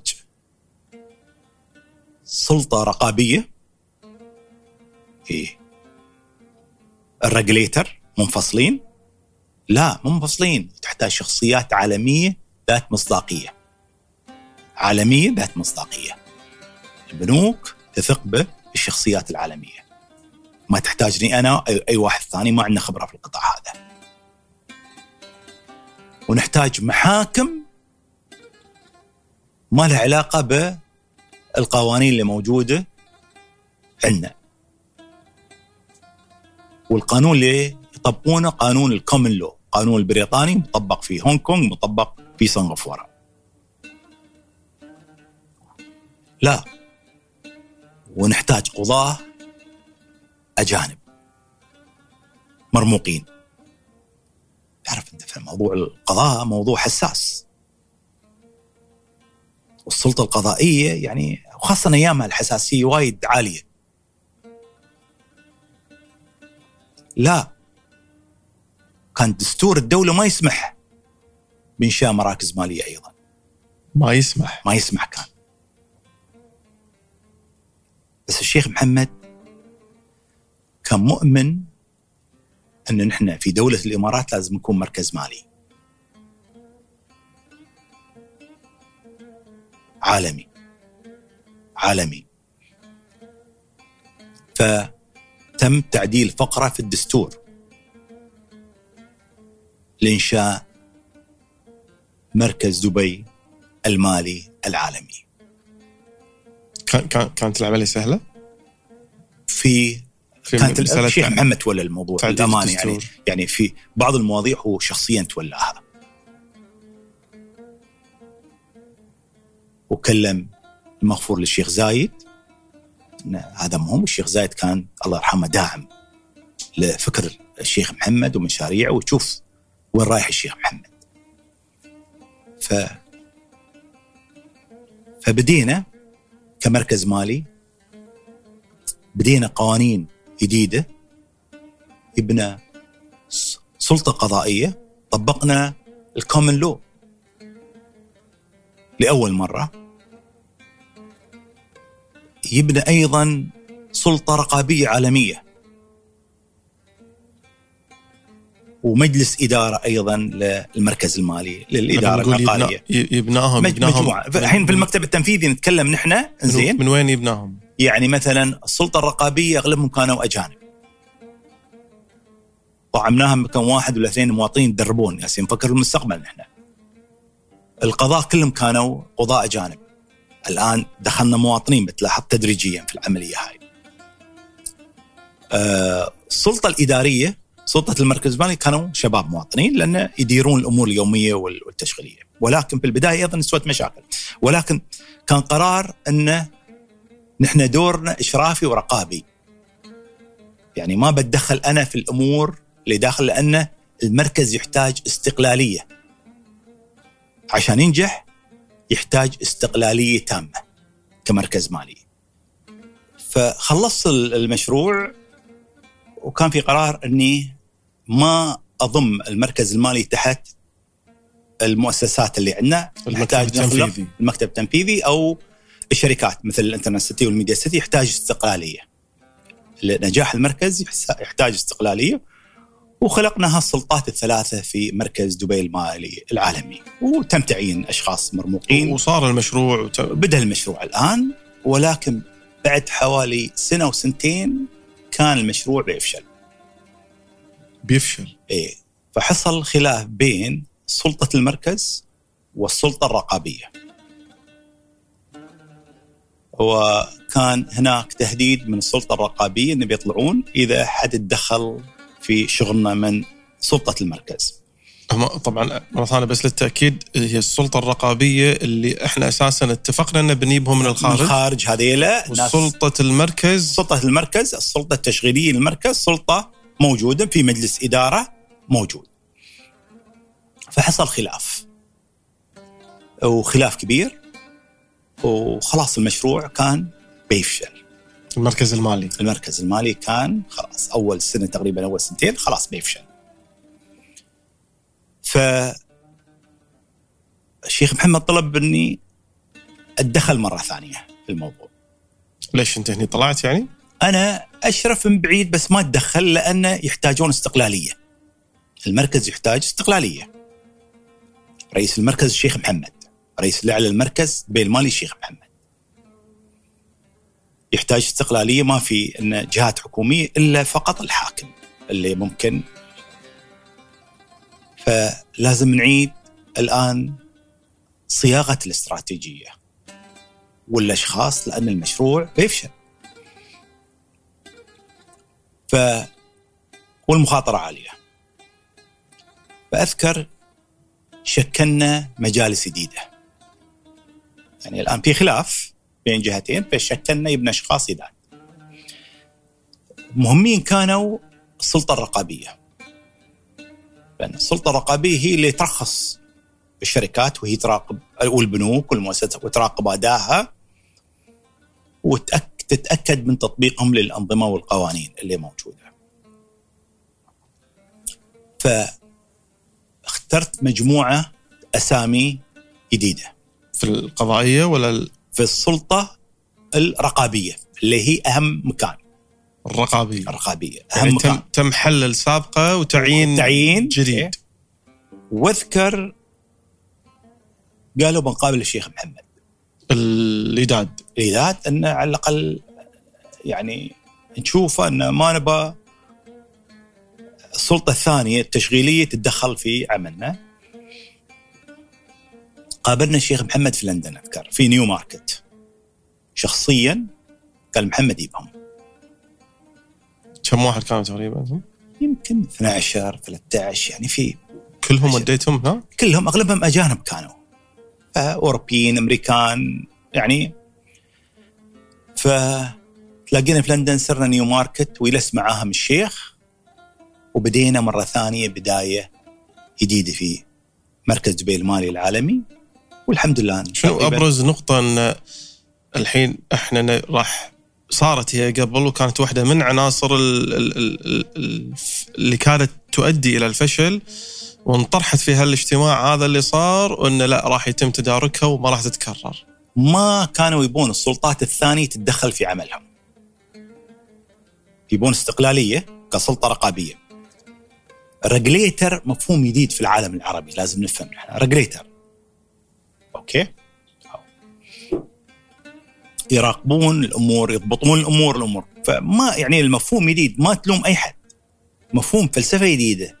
مفهوم جديد حصل الخلل في المرحلة الأولى شيخ محمد قال يتدخل محمد صلحوا الموضوع وأنا بجلس يا الجماعة هذيلا السلطة الرقابية أو ال regulator okay الإيداد فيجلس معاهم وأعطاهم كلمة واليوم المركز صار له من 2000 من 2003 إلى اليوم ما في أي تدخل واليوم أداء بركات الشيخ مكتوم بن محمد ولا الآن رئاسة مركز دبي المالي العالمي أداء من أفضل المراكز الماليه على مستوى العالم على مستوى العالم ونسبة نمو سنوية قياسية. ونحن طلعنا من الموضوع من حوالي 17 16 سنة طلعنا من الموضوع تماما لأن خلاص الأمور ماشية autopilot. وصار على أرض. على هذا وما تدخلنا في الموضوع تماما. طيب هذا موضوع مركز دبي آه، المالي وقصته بس آه، إحنا يمكن تكلمنا قبل شوي على موضوع الإعلام ومركز آه، وتحويل دبي إلى مركز إعلامي وكان الهدف إن إحنا نستقطب وسائل الإعلام ونحول الموضوع الإعلامي أيضا إلى موضوع اقتصادي وإن تكون دبي هي مركز بس على الصعيد المحلي إحنا أيضا عندنا تلفزيون دبي. إحنا عندنا مؤسسة إعلامية موجودة. صار شيء فيما يتعلق في تلفزيون دبي؟ يعني في الإعلام آه، في 2002 الشيخ محمد ترأس كان رئيس مجلس إدارة مؤسسة دبي الإعلام. كان في تلفزيون دبي سابقا عندنا. تحول في 2002 فكر جديد ترأس الشيخ محمد رئيس مجلس إدارة مؤسسة دبي الإعلام.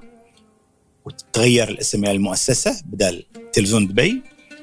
آه، كنت أنا العضو المنتدب في آه، هاي المؤسسة.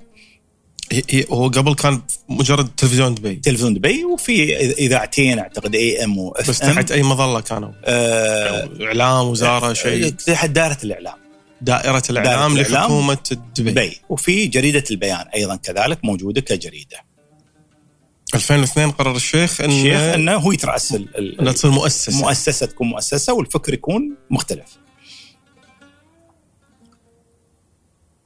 دائما الانتقاد إن مؤسساتنا الإعلامية في دبي ضعيفة. انتقاد من من؟ من, من- الناس؟ من الناس يا جماعة أنتم المواطنين. إيه، من المواطنين تعرف المؤسسات الإعلامية لازم الجرايد التلفزيون كذا ترى زينة ما بزين ما تكون قوي وايد ولا تكون ضعيف. النهايه تخدم المجتمع. لازم تعرف كمؤسسة شو رسالتك فالشيخ محمد تولى المسؤولية في 2002 واشتغلنا أيامها يعني طلب منهجية جديدة اشتغلنا عليها. شنو المنهجية الجديدة؟ اللي منهجية أولا تحولت إلى مؤسسة لها صفة شبه تجارية. فرقنا في البداية من بعض الأمور اللي قابلة لتحقيق أرباح وفي بعض الأمور غير قابلة لتحقيق أرباح. مثل أنا مثل أمثلة. الإذاعات. الإذاعات نقلنا الإذاعات كانت في إذاعتين. تخسر ما تحقق أي دخل حولناهم إلى مدينة دبي الإعلام. أوكي. على سبيل المثال هالإذاعتين تحولت تقريبا إلى 12 إذاعة اليوم تحقق أرباح. إذاعة العربية الخليجية وإذاعة بالهندي وإذاعة ب- بالإنجليزي مجموعة إذاعات إحنا بس عشان نوضح أكثر لما إحنا نقول إذاعة ما تدخل أرباح كانت إذاعة تقليدية تبث برامج في في AM. وفي FM إيه، إذاعة وت- وت- وتبث بث برامج. عادي بس لما ما حولناها إلى جانب تجاري, تجاري. قام ندخل إعلانات دخلت إعلانات واشتغلت بصفة تجارية وعندنا تقريبا فوق أقول لك تقريبا 10 إذاعات و12 إذاعة اليوم. okay؟ وتدخل ارباح ومستقله صار لها تقريبا 20 سنة مستقلة وماشيه وتدخل أرباح. ايامها قلنا الجرايد ممكن تدخل أرباح. الشيء الوحيد من دراساتنا كان التلفزيون ما بيحقق أرباح. التلفزيون ما يحقق ما بيحقق أرباح يعني في المنظور ولكن الأمور الثانية اشتغلنا عليها بأسلوب تجاري ففصلنا بين الجرايد سوينا مطابع جديدة تجارية الإذاعات أيضا سويناها تجارية تحقق أرباح وما زالت تحقق أرباح دائما من 20 سنة لأنها مستقلة ما زالت مستقلة هذا اللي هي شنو؟ الإذاعات الحين إذاعات. وطلعنا بعض الأشياء المنتجات جديده مثلا طلعنا الإمارات اليوم صحيح اشتغلت على صحيح- موضوع صحيح. صحيفة الإمارات اليوم ويشكر الأخ عبد اللطيف الصايغ كان ماسك المشاريع الجرايد والاذاعات عمل بصورة مختلفة. الأخ عبد اللطيف من الشباب الموهوبين المبدعين في القطاع هذا كان. فتحولت هاي إلى ربحية. كان عندنا تلفزيون التلفزيون لازم أرجع شوية. يعني أنا كعضو منتدى في المؤسسة مو متخصص في التلفزيون. أنا شخص يعني أنا في تعليمات شيخ محمد يقول لي هل يابا نوضع الاستراتيجية أمور إدارية نتحرك عليها. كنت احتاج فريق. على الأقل مبدع ومبتكر في موضوع التلفزيون. كانوا في, في على مستوى العالم العربي في LBC وال Future. في لبنان. في لبنان في بداية ال 2000 التلفزيونات اللي, اللي ناجحوا ومشاهدة بصورة هذا. كقنوات منوعة أكثر. مش قنوات مش سياسي. ما بسياسيه بعد السياسي سياسيا كانت الجزيرة الوحيدة اللي موجودة على الساحة يعني ما كانت لا كان كان كان يعني هم يمكن ثلاث أربع قنوات اللي كانوا total أما ام بي سي ام بي سي اي ار تي كانت ART cable. LBC Future Future والجزيرة. إيه بس ART cable كانت يعني أتصور كانت في الفترة هذه. Orbit يعني Orbit كانوا كيبل. كانوا كيبل. اغلبهم كيبل يعني مشفرات. هذيلا مفتوحات آه، ف كنت قبلها زرنا مع الشيخ محمد لبنان أذكر. زار الشيخ محمد سوريا عقبها لبنان وكان الحريري هناك وفي لقاء مع ال مع ال يعني تعارف مع الحريري أيضا. آه، رفيق مع الرئيس الحريري الوزراء عرفناه والرئيس الحريري كان هو مالك تلفزيون المستقبل. حين أنا أحتاج حد على الأقل يخلق هال هال هالنقلة التلفزيون.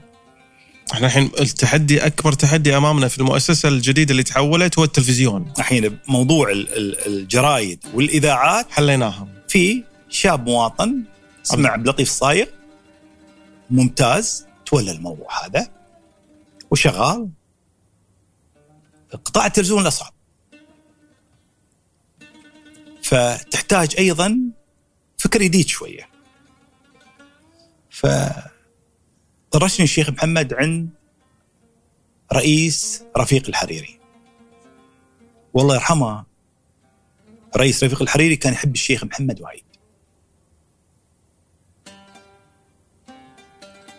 فقلت له فزرت بيروت. أول مرة تلتقي فيه؟ لا شايفنه من قبل. فأذكر زرته في بيته شتاء كان؟ في فريا عند بيت قصر فوق هناك شتاء ثلج الدنيا كلها ثلج. فعزمني على العشاء. فكنت عشاء وقلت له أخوك الشيخ محمد يسلم عليك. سام من عندك موهوبين في المستقبل. بغينا أربعة وخمسه منهم. أنت رايح عندك عارف عارف إيش تبي بالضبط. عارف بالضبط من ببالي بعد. آه وحاط ببالك من عارف بالضبط من ببالي. منو كان إيه ببالك؟ ببالي. كان علي جابر وتقريبا أربعة وخمسة معه. ف كنت مكلم علي جابر قبل يعني جسنا بضا انت من حيث المبدأ. مبدأ بي يعني في النهاية ادبيا ما بحرج بعد الرئيس. فما قصر الله يرحمه رفيق الحريري قال بلغ الشيخ محمد هذيلا كلهم موظفينه. فتم الاتفاق على مجموعة تقريبا خمس آه، من تلفزيون كلهم المستقبل. كلهم من المستقبل. من المستقبل. انتقلوا ما في التلفزيون انتقلوا عندنا في المكتب التنفيذي كاستشاريين في الإعلام.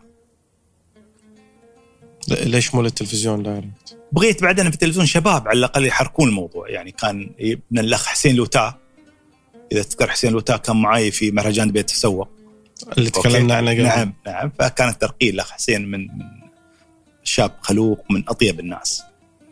فيا حسين وجبنا مجموعة الشباب للقنوات. وكانت فكرة القنوات كانت قناة واحدة موجودة قناة دبي. طلعنا قناة محلية يمكن أول قناة محلية في الإمارات هي سما دبي. وطلعت أيامها برامج كثيرة يعني محلية من التراث برامج مثل اليوله برامج تراثية. ركزنا فقط على التراث ونجحت نجاح كبير واذكر ميزانيتها يمكن كانت 20 مليون بسيطة. عندنا قناة دبي قناة دبي عدلنا عليها. على سبيل المثال آه، طرحت عليهم فكرة إن موضوع الأخبار المحلية بغيناها أهم عن الأخبار العالمية، الأخبار العالمية كانت في قنوات كثيرة موجودة الجزيرة ولا غيرها. الناس شاهدها على طول ما يحتاج ينتظر. الساعة 10 في الليل عشان بس يشوف أخبار العالم، خلاص كانت متوفرة كل مكان. فحولنا الأخبار المحلية من خلال أخبار الإمارات إلى أهم أخبار، اليوم الأخبار المحلية موجودة في جميع القنوات على مستوى الدولة آه، سوت أخبار محلية وأهميتها أكثر. طلعنا قناة 1 TV بالإنجليزي وتحركنا على الموضوع هذا فأذكر ال rating كان كنا يمكن مو موجودين على ال rating في التلفزيونات على مستوى الوطن العربي. مو موجودين قبلها. خلال سنتين وصلنا الثاني بعد ال MBC والصعبه بعد ال MBC والصعبه منافسة ال MBC صعبه منافسة ال MBC بس كان الثاني ممتاز. على مستوى الوطن العربي كان ال rating كان الثاني على مستوى الوطن العربي. في 2006 طلعت. أنت ظلت من 2002 تقريبا؟ لين 2006 أربع 2006 سنوات. لأن كان عندي منصب اتحادي. انتقلت مع صاحب سمو الشيخ محمد إلى منصب اتحادي فلازم أطلع كنت من بعض المناصب المحلية. فطلعت من آه، المناصب المحلية. مع الأسف بعض الأشياء اللي استوت عقب ما طلعت ردت الأمور مثل ما كانت. مثل؟ مثل ما كانت. يعني ضم كل شيء مع بعض تحولت من أسس تجارية إلى كلها أسس حكومية. التلفزيون أو وسائل الإعلام تحتاج. ال MBC مثلا يطبقون أسس جميلة جدا. الأسس التجارية في استراتيجيات واضحة في أمور كثيرة. بعد ال 2006 شوية أخذت الممارسات ممارسات التقليدية القديمة رجعت مثل ما كانت. واليوم يعني آه، آه، ابتعدت تماما عن موضوع الإعلام لأن دائما أقول في قطاعين في حياتي ما بدخلهم مرة ثانية. قطاعين متعبين وقطاعين يحتاجون لا, لا تقولي الإعلام منهم. الإعلام والرياضة. آه بعد آه الرياضة. الرياضه ب- بيها بعد شوي يعني بس الإعلام كان متعب الإعلام متعب بمعنى الإعلام جميع المسؤوليات تقع عليك أنت. واحد كتب عمود ألو آه، تليفون ياك كيف هذا؟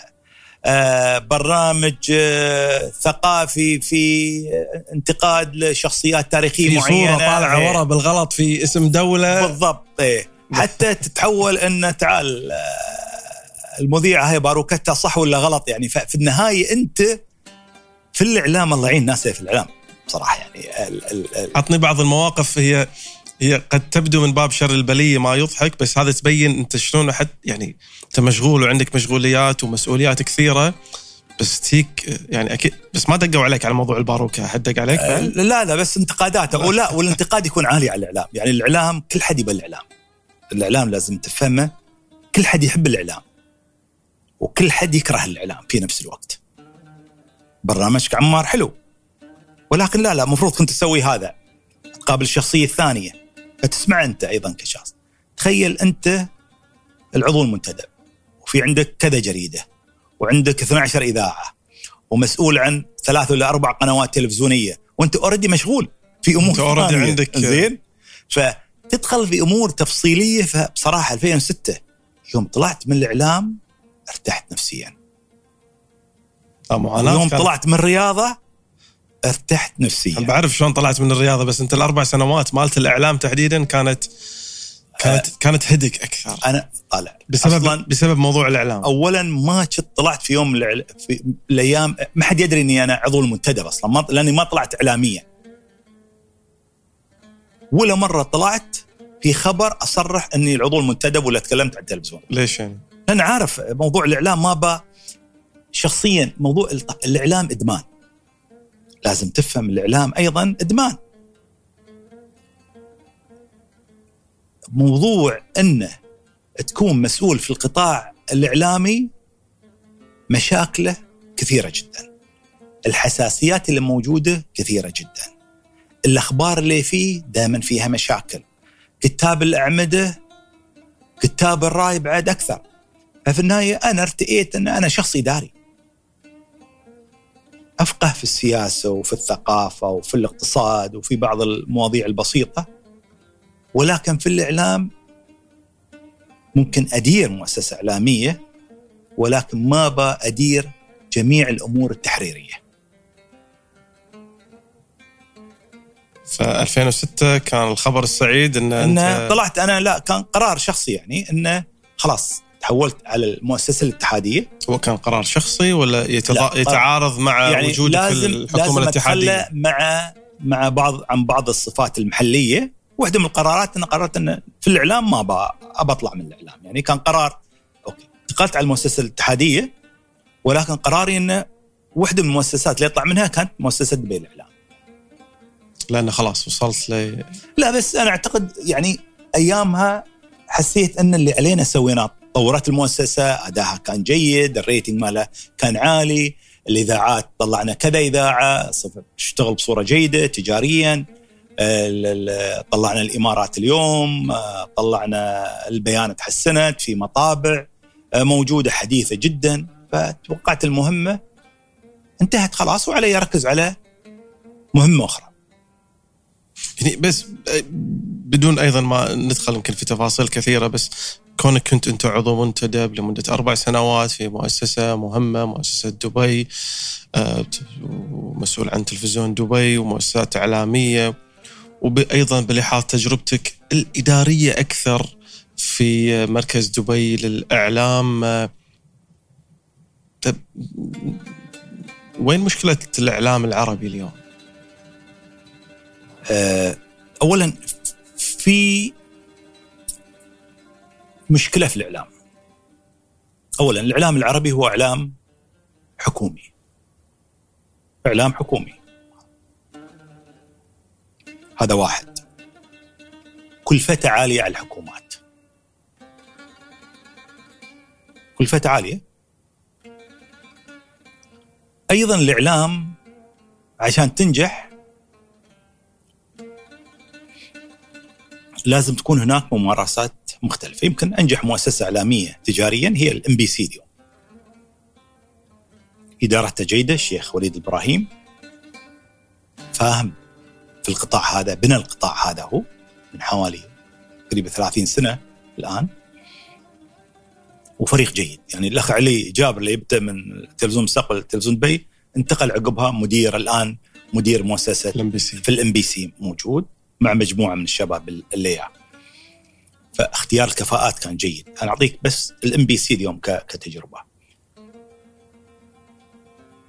الإعلام في جزئيتين. يعني أنا يعني يمكن نظرتي أيضا شوية عاطفية فلسفية.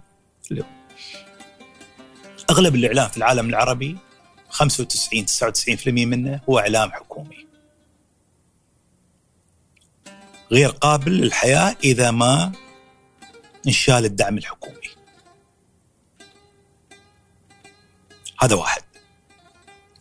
رقم اثنين اتصور الإعلام في الفترة القادمة سيتغير تماما. اليوم مشاهداتنا للقنوات التلفزيونيه قلت بصورة كبيرة جدا. اسأل الناس كلها نادرا ما تفتح التلفزيون وإذا تفتح التلفزيون تطالع برامج إخبارية. طالع عربية Sky جزيرة سي إن إن سي ام بي سي. تطالع القنوات الشرق تطالع القنوات الإخبارية والتخصصية. قنوات العامة أنا أقول شبه ميتة. أو لفئات معينة من خلال الآن شاهد ولا غيره في تطبيقات معينة وأيضا مسلسلات وأغلبها أيضا لفئة النساء أيضا. فاليوم نحن عايشين في حقبة الإعلام متغير. ما بشرط التلفزيون الحكومي يصرف مليارين وتي مشاهدات. ممكن شاب يعمل بودكاست ومشاهداته أكثر بكثير. وبعطيك مثال. مثال حي وقريب. يمكن أكثر نسبة مشاهدة في التلفزيون خلينا نتكلم حتى ما نتكلم عن العالم نتكلم عن العالم في الانتخابات الأمريكية قبل الانتخابات تحصل يحصل ديبيت أو المناظرات بين بين المرشحين بين, بين المرشحين يبدون بالحزبين عقب الأفضل من الحزبين المناظره الأخيرة كانت بين مرشحين من الحزب الجمهوري للرئاسة. على Fox كانت. كانت نسبة المشاهدين تقريبا 20 25 فيلم 25 مليون. قبلها بخمس دقائق ترامب مع كارلسون تكر كارلسون طلع على اللي كان مطرود من Fox طلع على تويتر أو X. قبلهم بخمس دقائق جالسين أعتقد في بيت ترامب كيمرتين وسولفوا. نسبة المشاهدة كانت 250 مليون. ما كلفتهم. ما في قناة تلفزيونية على تويتر ولا X ببلاش. فاليوم ما بالمال أو المؤسسات الإعلامية الضخمة أنا أعطيتك Fox. مؤسسة مصروفاتها مليارات. تحقق نسبة مشاهدة عالية. بس هني هني هني طبعا أكيد ال cost هذا كله صار له يعني انخفاض كبير جدا في في مسألة اللقاء اللي صار مع ترامب. بس لأن ترامب يعني هو في النهاية يعني لو ترامب طالع هم في Fox آه راح يحقق مشاهدات عالية. بس اللي اللي فرق معانا الحين إن أنت كمؤسسة بهالكاميرتين ثلاث قدرت تعادل عمل قناة كاملة. ما أعتقد ما بشرط بيحقق مشاهدة عالية. تلفزيون. لا لو ما كان لو ما يعني كان في- ترامب. في التلفزيون موجود على منصة تلفزيونية. تجلس في صالة وتطالعه إذا على تويتر كل حد عنده تويتر اليوم. وأنت في السياره وأنت في مطعم وأنت في أي مكان ممكن تشاهد هالقناة هالفرق. المنصات في ال social media بتغير المشهد الإعلامي وغيرت المشهد الإعلامي تماما.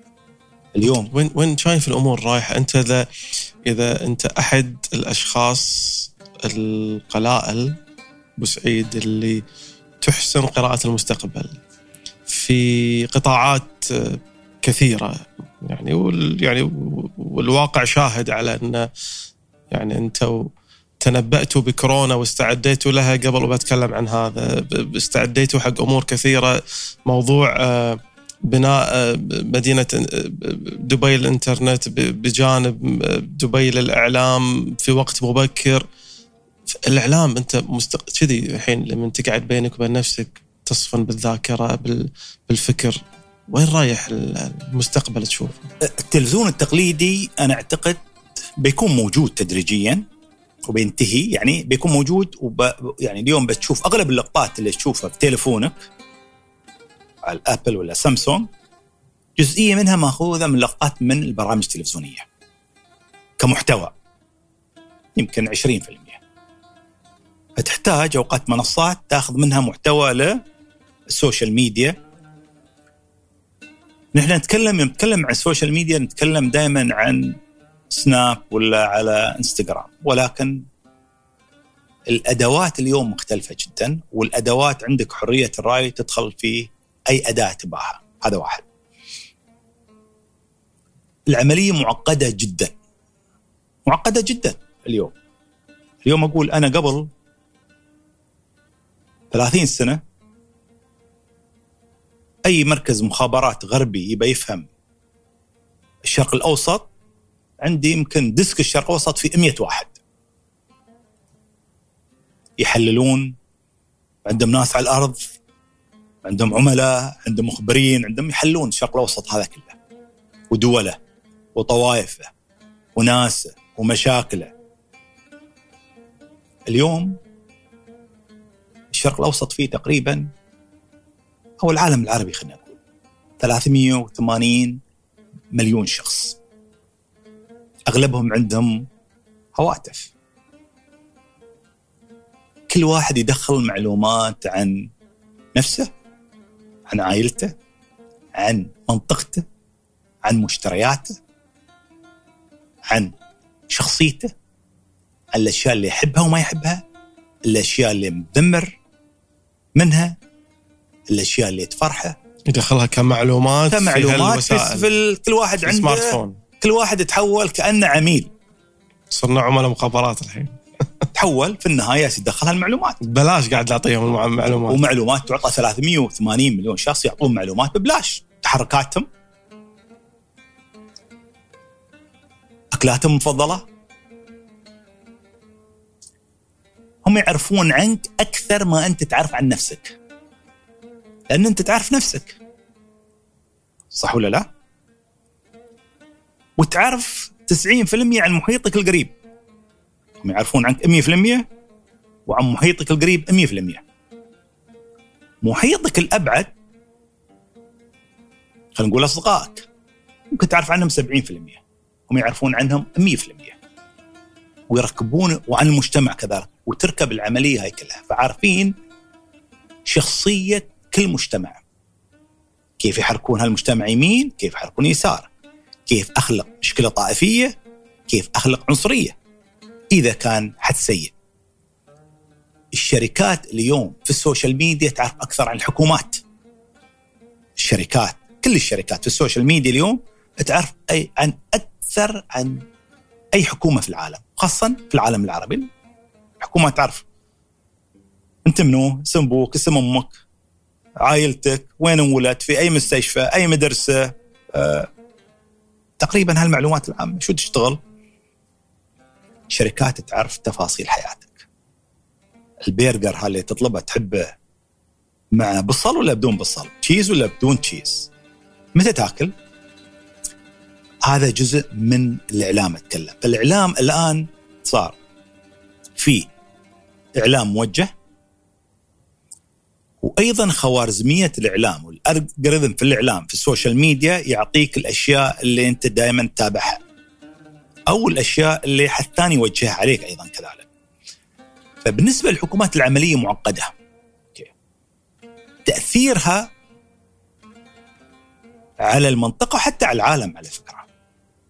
يعني تأثيرها علينا كبير.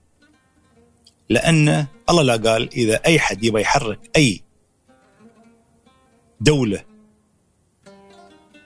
ممكن يحركها، عارفين في كل مكان هل هذه هل هل المنطقة السكنية هاي في الدولة الفلانية عندهم مشكلة خبز اليوم؟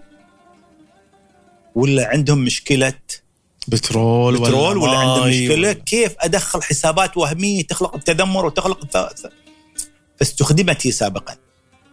أنا أتكلم اليوم قبل تشوف الخبر في التلفزيون عندك كنترول عليه. يا مذيع قول كلمة هاي لا تقول كلمة هاي. اليوم يعني كل حد يتحول مصور كل حد يتحول محلل كل حد يتحول مخرج كل حد يتحول كل إنسان. في عندك 380 إعلامي في الوطن العربي.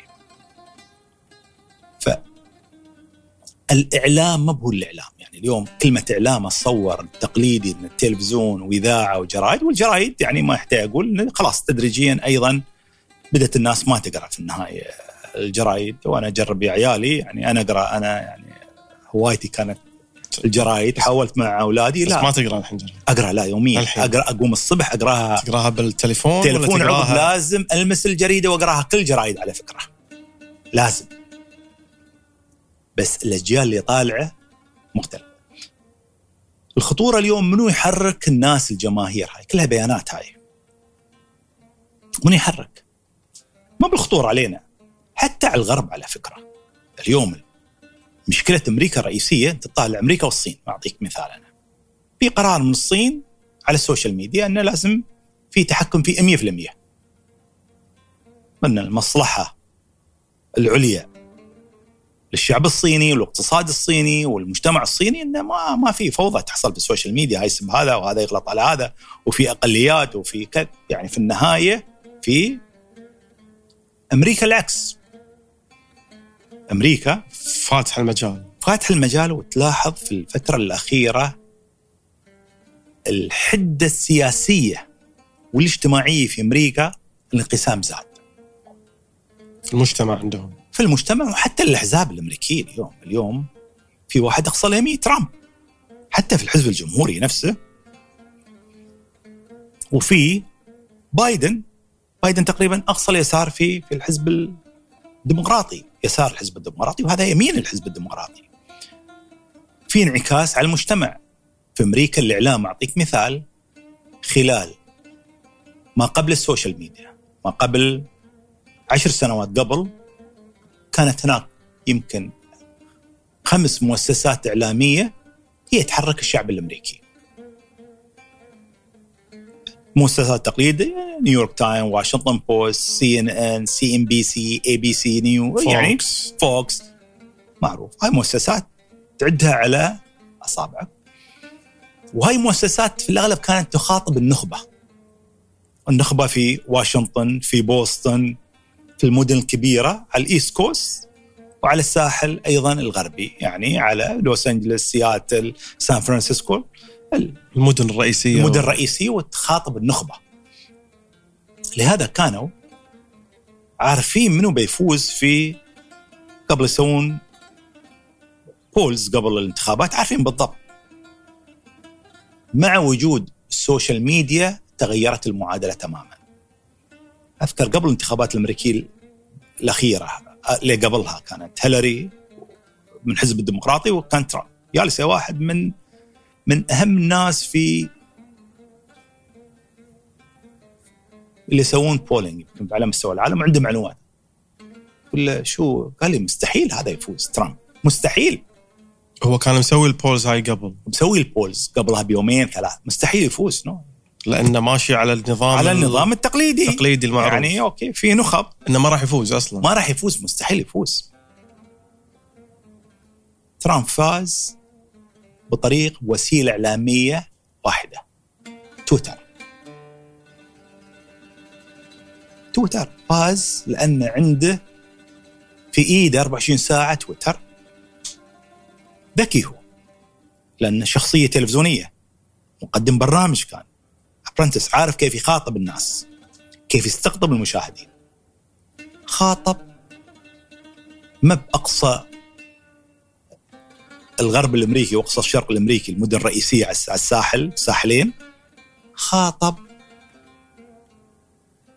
الناس اللي في النص اللي لا ال Washington Post خاطبهم ولا New York Times ولا Wall Street Journal ولا ال CNN ما يشوفون هذه لو ما يعرفون الجرائد هاي ما خاطب النخب راح حق خاطب. الناس. direct أنا أعطيك بس نبذة عن الإعلام إن اليوم في قنوات تلفزيونات تصرف مليارات. ما بشرط هي تحرك الرأي العام العالمي. المعادلة تغيرت. هل عندي تفاصيل المستقبل؟ لا ولكن عندك أنت م- ملامح المستقبل. المستقبل هو أنت ما بتعرف تفاصيله ولكن ضروري تعرف عن ملامح المستقبل اللي جاي. عن ملامح المتغيرات اللي بتي. في الإعلام عارفين أن الجرايد تدريجيا بتنتهي يمكن تبقى جريدة جريدتين. التلفزيونات دورها بدأ ينتهي. مثل ما انتهت أيضا الأخبار المحلية العالمية اللي كانت تطلعنا انتهت تدريجيا وجود قنوات ثانية. اليوم الإنسان يبى خبر حي لحظي. ما بينتظر لآخر الليل أو لين يوم الثاني يقرأ جريدة. عشان يقرأ خبر. اوريدي مر عليه الخبر. طلعت عشر أخبار بعدها. فالإعلام متغير. وسائل الإعلام أصبحت رخيصة. وسائل الإعلام أصبحت تخاطب. ما تخاطب النخب. خاصه الجديدة. شو انعكاساتها السياسية وأيضا الاجتماعية خطورتها الاجتماعية. يعني في في جانب جيد في وسائل الإعلام اليوم كمية المعرفة زادت. عند البشرية كمية المعرفة زادت. إذا لم تكن هناك ضوابط فالخطورة المجتمعية عالية. أنا أعتقد الأمراض النفسية بتزيد. أغلبهم عايشين خيال. السوشيال ميديا اليوم. عالم افتراضي. عالم افتراضي يعني يفترض إنه يكون الواقع عالم الواقع غير. الواقع الواقع اليوم الواقع الاجتماعي غير. الواقع الشكلي غير. ال social media Twitter. واحد يقول لي من شباب شو كيف شبه تويتر؟ قلت له الفاشينيستات يسوون botox و filler لويهم يجملون ويهم تويتر ولا X هو بوتكس للشخصية. إحنا ما نخصص فقط تويتر. تويتر سناب إنستغرام أنا كلهم تويتر أكثر يمكن. تويتر لأن كل حد في تويتر مثقف. تكتب إيه كل حد مثقف. ما بكلهم أنا ما أتكلم عن عن الجميع. أنا أقول 80% مثقفين اقتصاديين سياسيين حكماء. ما شاء الله عليهم. نصهم ربعهم ربعنا نعرفهم يعني. هذا يمكن سطرين ما يقدر يكتب. ولكن في النهاية هو بوتكس للشخصية. هذا تويتر ولا X أنا أسميه.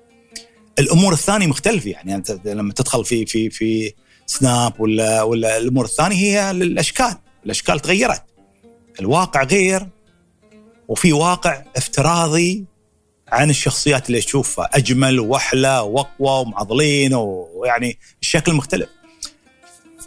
هذه بتؤدي إلى مشاكل نفسية في المستقبل. مع مع الأطفال والجيل القادم. وأيضا الحياة اللي موجودة هي حياة خيالية. ليش موجود عند سين وصاد وعين؟ مشكلة اجتماعية.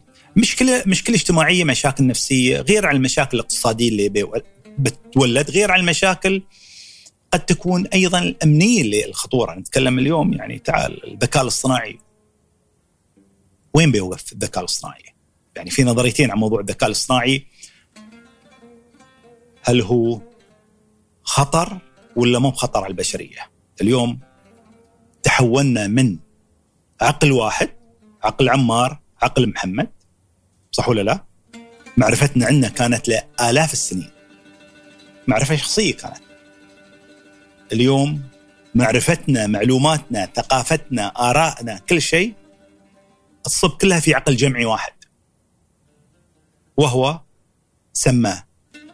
السحابة سمى ال cloud سمى artificial intelligence سمى اللي يسميه.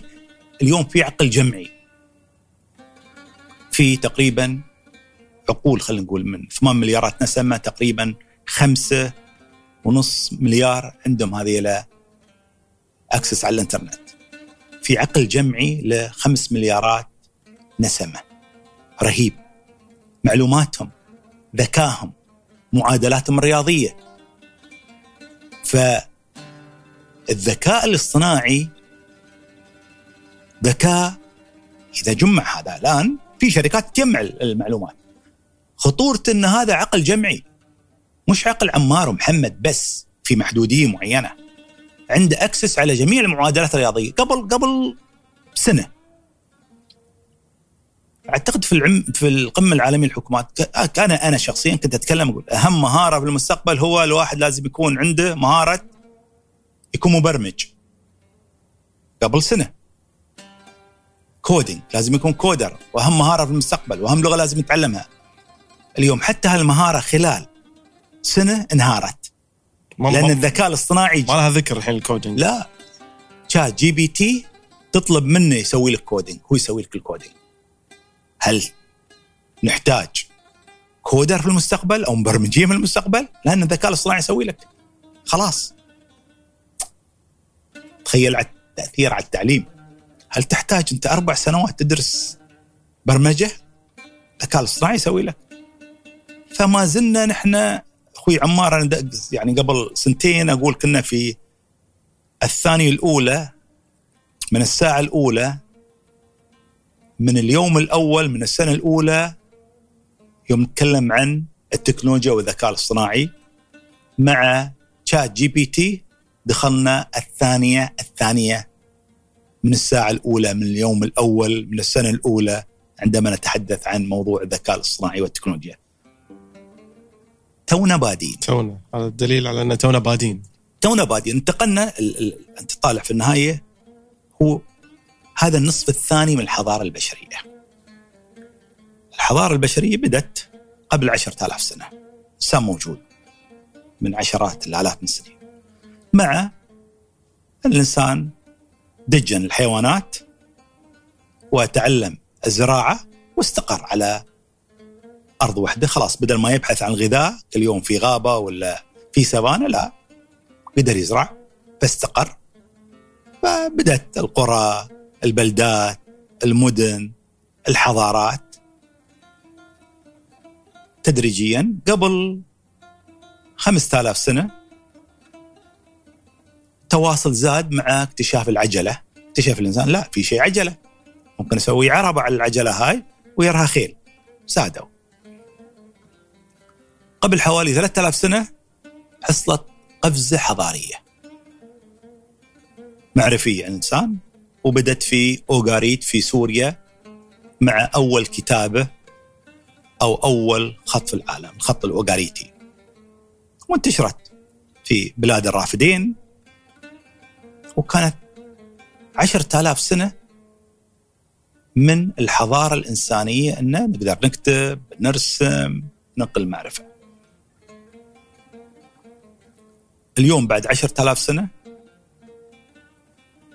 انتقلت الحضارة البشرية من مرحلة إلى مرحلة ثانية تماما.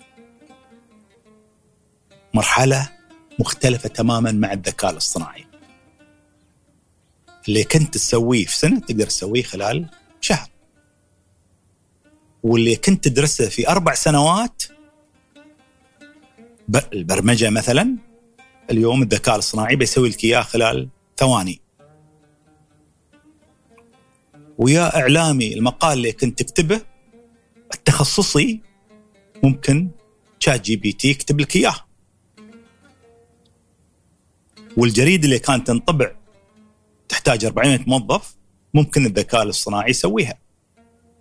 لا بدأوا يطلعون مذيعين الحين. أفاتار بتقنية بدائية تعتبر بس بعد عشر سنوات بيكون له عمار يتكلم بصوته. اليوم الذكاء الاصطناعي يعني يطلع صوت منو أنا؟ قبل فترة سويت الواحد آه، من زملاء الصحفيين القدامى طرشت بالذكاء الاصطناعي صوت آه، آه، ترامب يهنيه إنه تم اختياره بأفضل صحفي في العالم. صوت ترامب. في البداية صدق عقب اكتشف أنت سويتها يعني من من المقال اللي بين بعض بين الشباب ف وين بنوصل؟ لهذا نقول دائما دخلنا اليوم مع الذكاء الاصطناعي الثاني الثاني عندنا سنوات. مرحلة مخيفة ولكن إذا تم وضع ضوابط وأخلاقيات لها أخلاقيات وضوابط ممكن تكون مرحلة مهمة في تاريخ البشرية. نعالج أمراض كثيرة. على سبيل المثال الفاكسين مع كورونا ال vaccine كان ياخذ سنوات وعشرات السنوات اليوم خلال شهور تم اكتشاف ال vaccine مال كوفيد عقب عشر سنوات يمكن أيام عقب 20 سنة يمكن دقائق في إيجابيات أيضا علاج السرطان والأمراض الثانية بندخل في مواضيع جيدة وممتازة ولكن في أيضا خطورة عالية. ما أقدر أقول لك الذكاء الصناعي جيد أو لا هو كيف نستخدم نحن الذكاء الاصطناعي. نفس فكرة الإنترنت أول ما طلع اول مرة ولكن ما نقدر نوقفه أيضا. يعني في النهاية اليوم في كل جيب واحد جيبك في ذكاء اصطناعي أنت. تدري ولا لا؟ تليفونك هذا الابل اللي شالنه سامسونج ذكاء اصطناعي. أوقات تقول كلمة يرد عليك نفس الكلمة. يسمع حديثنا ينزل لك الدعايات اللي تباها تسمعها. تقول بسافر لندن يجيب لك الفنادق اللي بلندن. مرحلة جديدة. الإعلام لو نرجع الإعلام التقليدي ما يقدر يعطيك هاي. صح ولا الإعلام التقليدي بإعلان. الذكاء الاصطناعي تقول بسافر لندن في حوارنا يجاب لك إعلان لندن. أسرع. وأرخص. هل هو موت الإعلام التقليدي؟ وبيطلع شيء جديد؟ طالع شيء جديد. السؤال هو متى بيموت الإعلام التقليدي؟ هل بعد أربع سنوات ولا بعد 15 سنة؟ يعني هي جدلية والكثيرين يمكن يتكلمون في هالجزئيه و آه، في ملامح يمكن لموضوع الإعلام التقليدي وال social media والإعلام الجديد. ال debate هذا كان ولا زال مستمر. الغلبة لمن راح تبين في في في القادم من الأيام. أنا ما ودي حديثنا يروح بهالاتجاه. أه ودي أرجع مرة ثانية إلى جزئية أنت ذكرتها مساعة كانت مرور الكرام. بس يعني أبي آخذها أوقفها بذكائي أنا الاصطناعي الحين وأبي أتكلم عنها. أنت ذكرت موضوعين أنا الحمد لله طلعت منهم. سبوا لي وايد هدك. عدل الإعلام نعم. قلت الرياضة. أبي أروح عند الرياضة الحين. آه لأنك أنت إحنا يمكن ذكرنا في اليوم الأول أهلاوي والأهل أهلاوية كلهم ودشيت النادي بس أنت بال 2000 و 2000 ساعدني 2005 2006 تقريبا. إي أنت خلاص تقلت منصب صرت رئيس آه هلا شق الرياضة لي أنا شق ممتع اولا، اولا يعني آه، الرياضة جزء من تكويني، تكوين شخصيتي سواء لما كنت صغير ألعب في النادي عقبها لعبت في منتخب الإمارات كره الطائره وأعتقد جزء من تكويني أيضا النفسي وعملي الحكومي رياضه لأن أنت صغير شال علم الإمارات على صدرك شال لنا. فعندك روح الفوز روح بلادك تدافع عن علم بلادك. في النهاية جزء من تركيبتك الرياضة. وفي الرياضة آه، يعني في مراحل موجودة، المرحلة الثانية بعد ما رجعت من الجامعة كنت عضو مجلس إدارة في في آه، النادي الأهلي ورئيس لجنة الاستثمار كنت فيها. هذه بعد ال... بعد, بعد أمريكا. بعد أمريكا رجعت كم السنة دخلت النادي مرة ثانية وكان يرأس آه، رئيس مجلس اداره النادي الأخ الفاضل الأخ قاسم سلطان. وعقب كنت رئيس لجنة الاستثمار؟ الاستثمار في النادي وقتها كان في استثمار بالنادي؟ في النادي كان في استثمار نعم على أشياء بسيطة يعني زين أراضي عندهم يطورونها كذا ف أه بعدها في 2005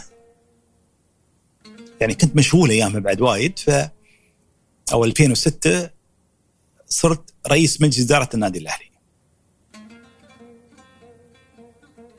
ما كان عندي استعداد يعني ما كنت متهيئ شلون صرت رئيس مجلس إدارة النادي الأهلي؟ أذكر تحليلي أنا الموضوع هنا أنا بمعلومة وأبي تحليل تحليلي اذكر أذكر كنا طايرين بالهليكوبتر من دبي سارين أبو ظبي في الطيارة يانا الشيخ محمد الشيخ حمدان والأخ خليفة سعيد اللي هو الحين رئيس مجلس إدارة النادي الأهلي والأخ سلطان السبوسي. أول شيء شيخ محمد أهلاوي. كان رئيس النادي الأهلي الشيخ محمد. أهلاوي أهلاوي. أول مرة أصافع الشيخ محمد في حياتي ما يذكر هو بس أذكر. كنا كانت في نهاية السبعينات كنا فريق الطائره ماخذين البطولة الصور بطولة الشباب ولا البطولة الأولى ما أذكر نهاية السبعينات. وهو رئيس النادي الأهلي جاي تكريم الفرق. فأول مرة أصافحه واعطاني هدية اذكر ساعة Raymond Weil. أيام عزها Raymond Weil. موجوده بمكتبي. للحين زين. شبيه لها. دورت يعني الساعة زين ريموند ويل. أول مرة أصافح الشيخ محمد. أكيد ما يذكرني أنا واحد من الشباب كانوا اللي موجودين من مئات اللي كرمهم ولكن كانت كانت حافز. هالساعة كانت لي أنا حافز كبير. وديت أمريكا ردت معايا تمت معايا فترة طويلة. ف كنا طايرين أرجع للسالفة في الهليكوبتر سارين أبو ظبي. أبو ظبي. في شيء كان ما أذكر. تحليلي أعتقد يعني يعني الشيخ حمدان يصاصر الشيخ محمد بشيء. عقب قال له طويل العمر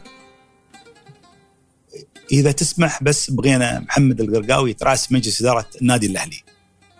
الحين أنت ما تدري إيش قالوا الحين ما أدري الحين يتكلمون عقب طلع يعني الصوت إنه طول العمر بغينا الأخ محمد القراوي الشيخ محمد يقول لا الشيخ حمدان محمد يقول, يقول للشيخ محمد. فالشيخ محمد ما قال لي يعني شو رأيك؟ قال طلع الشيخ حمدان طلعني قال لي تم. قال الشيخ حمدان تم. أمر خلاص. أعتقد يعني طابخ الطبخة الاخ خليفة سعيد. تحليلي أنا عقب زين اتصور لأنه هو بعد ما شاء الله عليه آه والعائلة أيضا أهلاوي. خلاص أمر من الشيخ محمد. آه فأنت يعني قرار تكليفك بانك تصير رئيس النادي الأهلي صار في الجو. في الجو كان بين دبي إلى أبو ظبي. أبو ظبي. نعم زين الشيخ حمدان كلم الشيخ أحمد الشيخ محمد. الشيخ محمد طالعني وقال للشيخ حمدان تم. أمر خلاص أمر عسكري هذا تنفذه. أعتقد ب أعتقد يعني يمكن الأخ خليفة شغال كان على الموضوع الأخ خليفة سعيد أتصور تعليلي. بديت. أول شيء قلت شيء يعني الحين بالجو بالطيارة انه إن شاء الله حاضر بس واحد اثنين ثلاثة أربعة. أنا قلت لا اللي تامر عليه طول العمر. ما أنا يوم الشيخ محمد يقول شيء يقول لي اقفز اقفز. ما ما لا بس طول إحنا طول حياتي. بس إحنا عندنا وايد مشاريع و major إيه. projects عندنا و... وعندنا ف- مركز مالي وعندنا يعني- إعلام وعندنا تلفزيون دبي. ما كنا ما كنا ننام أيامها يعني من الشغل امانه يعني والكرة تدري أنت. جمهورها يعني هم يضغط وجمهورها صحيح. ما يرحم صحيح و... صحيح صحيح. أتفق وياك 100% فأذكر شكلنا مجلس إدارة من الشباب. اشتغلت على واحب النادي. لأن جزء من من تكويني أنا أذكر النادي الأهلي أسير النادي الأهلي اخواني ودوني لأن كانوا يلعبون بالنادي. يوم كان أرض طينية كان أرض طينية ما في مدرجات في شبك حول الملعب الجمهور ورا الشبك وفي دار. واحد من اخواني يلسني كان صغير يلسني على الدار أشوف المباراة يعني في هالسن سبع ثمان تسع سنوات يلسني على الدار طول الوقت على الإدار وطالع المباراة. ف ف فجزء من تكوينك النادي هذا. فعموما شكلنا فراق اشتغلنا على استراتيجية يبنى الشركة اللي سوت لمانشستر يونايتد أيامها. تجيب استراتيجية للنادي. شركة شنو كانت هي؟ استشارية. استشارية. خلاص في استش... غيرنا الشعار آه، شباب ممتازين كانوا معايا. وأيضا آه، اشتغلنا على تعرف نادي عنده دعم حكومي على الاستثمارات وكانت قفزه في الاستثمارات للأمانة في النادي الأهلي في الفترة هذيك وموجود الاستثمارات إلى الآن. في قفزه في الاستثمارات في النادي الأهلي في الفترة هذيك وموجود الاستثمارات الآن إلى الآن يعني أعتقد اشتغلنا بطريقة مهنية وكنا كان الفكرة كانت إنشاء شركة تجارية للنادي الأهلي هي ما كان في شركة ما كانت شركات قبلها بس أندية حكومية أهلية. أه، ولكن كان ياخذ النادي من جهدي.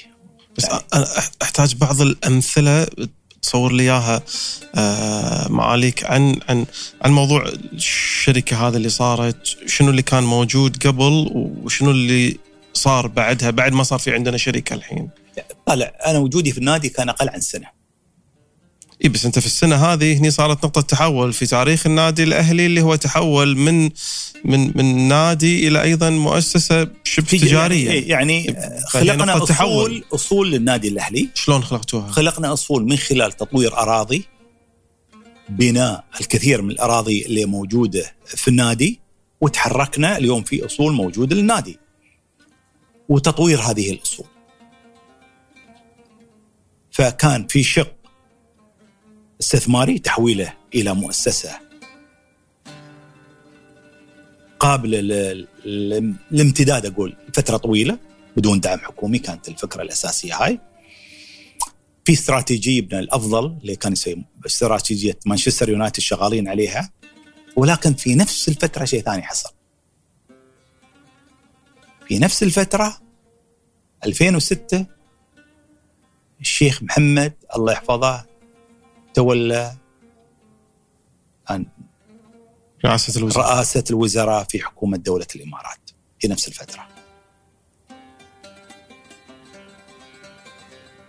وتحولت من منصبي المحلي إلى منصب اتحادي كوزير لشؤون مجلس الوزراء. في استراتيجيات والشيخ محمد عنده طموح كبير يعني للحكومة الاتحادية يمكن كبير جدا. فالشغل الأساسي كان الحكومة الاتحادية عند الشيخ محمد. هاجسة كان. تحدي جديد كان. أطالع مشاكل النادي. مشاكل يعني في مشاكل صغيرة. وتاخذ 90% من وقتك.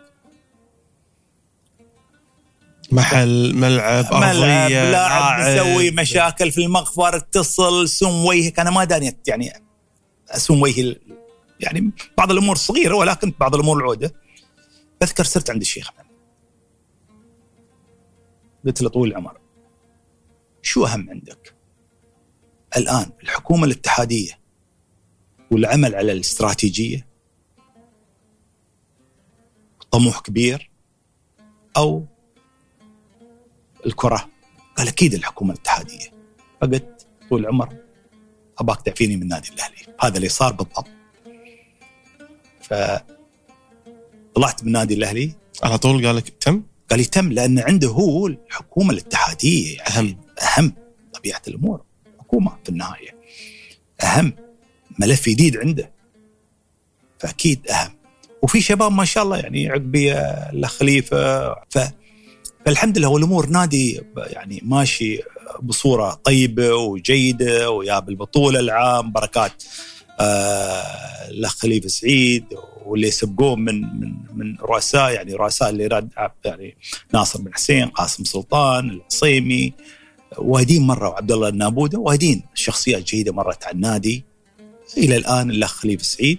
فسنه أنت بس بس السنة هذه اللي ظليت تقريبا سنة تقريبا. سنة. كان الهدف الأساسي إن نحولها إلى إلى إلى إلى مشروع تجاري ولا كان التركيز أكثر شيء على الكرة على على كرة لا. القدم كونها هي اللعبة الأكثر انتشارا؟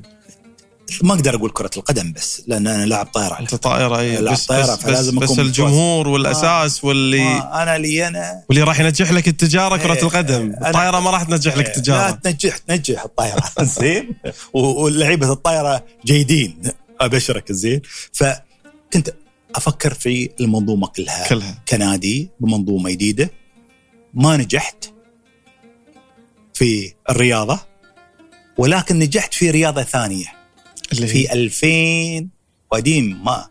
في سنة 95 و99 وأعتقد 95 و96 99 يمكن جزء من البركة اللي موجودة في حياتي. شيء حصل لي سنة 95 95 تقريبا. كنت أول أمين عام لاتحاد الإمارات لرياضة المعاقين. الآن اسمهم أصحاب الهمم كنت قبلها نائب رئيس مجلس إدارة نادي دبي للمعاقين. فتم اختياري كأمين عام لاتحاد الإمارات رياضة المعاقين. ما موجود الاتحاد فقمنا كان اتحاد آه الله يحفظه الشيخ آه ذياب بن زايد. فأنشأنا الاتحاد. يعني تعرف كانت العملية صعبة. انه شباب يعني هذيلا اللي اللي ما يشوف واللي ما يسمع واللي عنده اعاقه يعني جسدية. جسدية واللي اعاقه ذهنية. يعني يعني حتى أذكر يمكن نادي دبي للمعاقين في البداية رفضت يعني تعرف تحتاج قوة. فأذكر عزموني بديت أعين في إدارة ترخيص مجموعة كانوا في فريجنا في الراشدية. أقول لك القصة قصة كاملة. كنت في إدارة ترخيص فبديت أعين إدارة الترخيص مالت في. إدارة التنميه الاقتصادية. إدارة التنميه. الاقتصاديه زين؟ فبديت أعين عينت يمكن اثنين من الشباب عندهم إعاقة. كانوا من راشديه اعرفهم يعني صغار. وبديت أعين زيادة يمكن كعاطفة وكشيء مجتمعي. فأذكر انعزمت على النادي. بغول النادي نادي دبي للمعاقين. في البداية قلت لهم مشغول وكذا وهذا. عقب قالوا لي تعال احضر مباراة. باك تحضر مباراة. أذكياء كانوا. مباراة شنو؟ مباراة كرة قدم كانت. كرة قدم. فحضرت هالمباراة أذكر واحد صغير 12 سنة يمكن عمره 11 سنة. كان مسكين يزحف عشان يلعب. يبغى يلعب كرة. فدخلت نادي دبي المعاقين سنة 93 94 ما أذكر. ما أذكر أي سنة 95 في الحدود بس أذكر كنت في دائرة المصاديه في الشؤون المالية والاداريه وفي الرخص التجارية. فيمكن كنت في شؤون شؤون مالية وإدارية لأن عندنا التوظيف كان فبدينا نوظف عندي التوظيف كان. دخلت النادي وبدينا يعني مسابقات لهم تنظيم كذا وعقب تم اختياري كأمين عام للاتحاد. سنة 96 صرت معاهم شاركنا في أول أولمبياد دولية وكانت في مدينة جورجيا آه، في أتلانتا في ولاية جورجيا في أمريكا. بعد الأولمبياد العادية بأسبوعين ثلاثة تكون أولمبياد لأصحاب الهمم أو للمعاقين. صرت المعسكر معهم. المعسكر ها كان علموني تعلمت منهم كنت رئيس الوفد بس كنت بحضر إياهم المعسكر في المعسكر سويته في مدينة ثانية في ولاية جورجيا في سافانا مدينة سافانا جورجيا. فكنت معاهم من الصبح المساء سافرنا مع بعض. آه الشباب هذيل علموني قوة الإرادة. قوة الإرادة. وقد تتعب أنت تحس أنك ما تقدر تسوي أمور ما. هذا واحد ما يقدر يمشي بس ياس يلعب كرة. بيده. أو يلعب سلة هو على ويل تشير طلعت من المعسكر هذا اكتشفت إن هذه الأقوى عني أنا عشر مرات. أذكر واحد من الشباب عندي اعاقه جسدية بطل حديد يشيل الحديد شيء خميس اسمه بتذكر شو اسمه خميس شيء. حديته. شل الحديد أكثر يمكن عشر مرات عني أنا. تطلع تطلع من المعسكر كمعسكر لي أنا هذا معسكر نفسي. معسكر لي أنا قواني في المستقبل إرادة. يعني هذا منو المعاق فينا؟ هذا يشيل أكثر عني أنا. وهذاك يركض أسرع عني أنا. والثاني فرحان بالدنيا أكثر عني أنا ب مرة. كان معسكر شهر؟ اعتبر كان معسكر لي انا حضرنا حضرت إياهم الأولمبياد وأولمبياد آه، أتلانتا. 98 سميت معاهم 98 آه 96 96 96 قبل 28 29 سنة نتكلم 28 سنة نتكلم هنا بس هم الخير والبركة واحدة من أهم محطات في حياتي. علموني قدرة الإنسان وإرادة الإنسان. ما في معاقة. طلعت من هناك ما في إعاقة. الإعاقة المجتمع يقل الشباب هذيلا إذا على ويل تشير وما عملنا نحن رام المجتمع البلدية خلقت الإعاقة. إذا ما يشوف وما عملنا له نحن على الأرض. مجسات تقدر حسبها يمشي المجتمع خلق للإعاقة. ف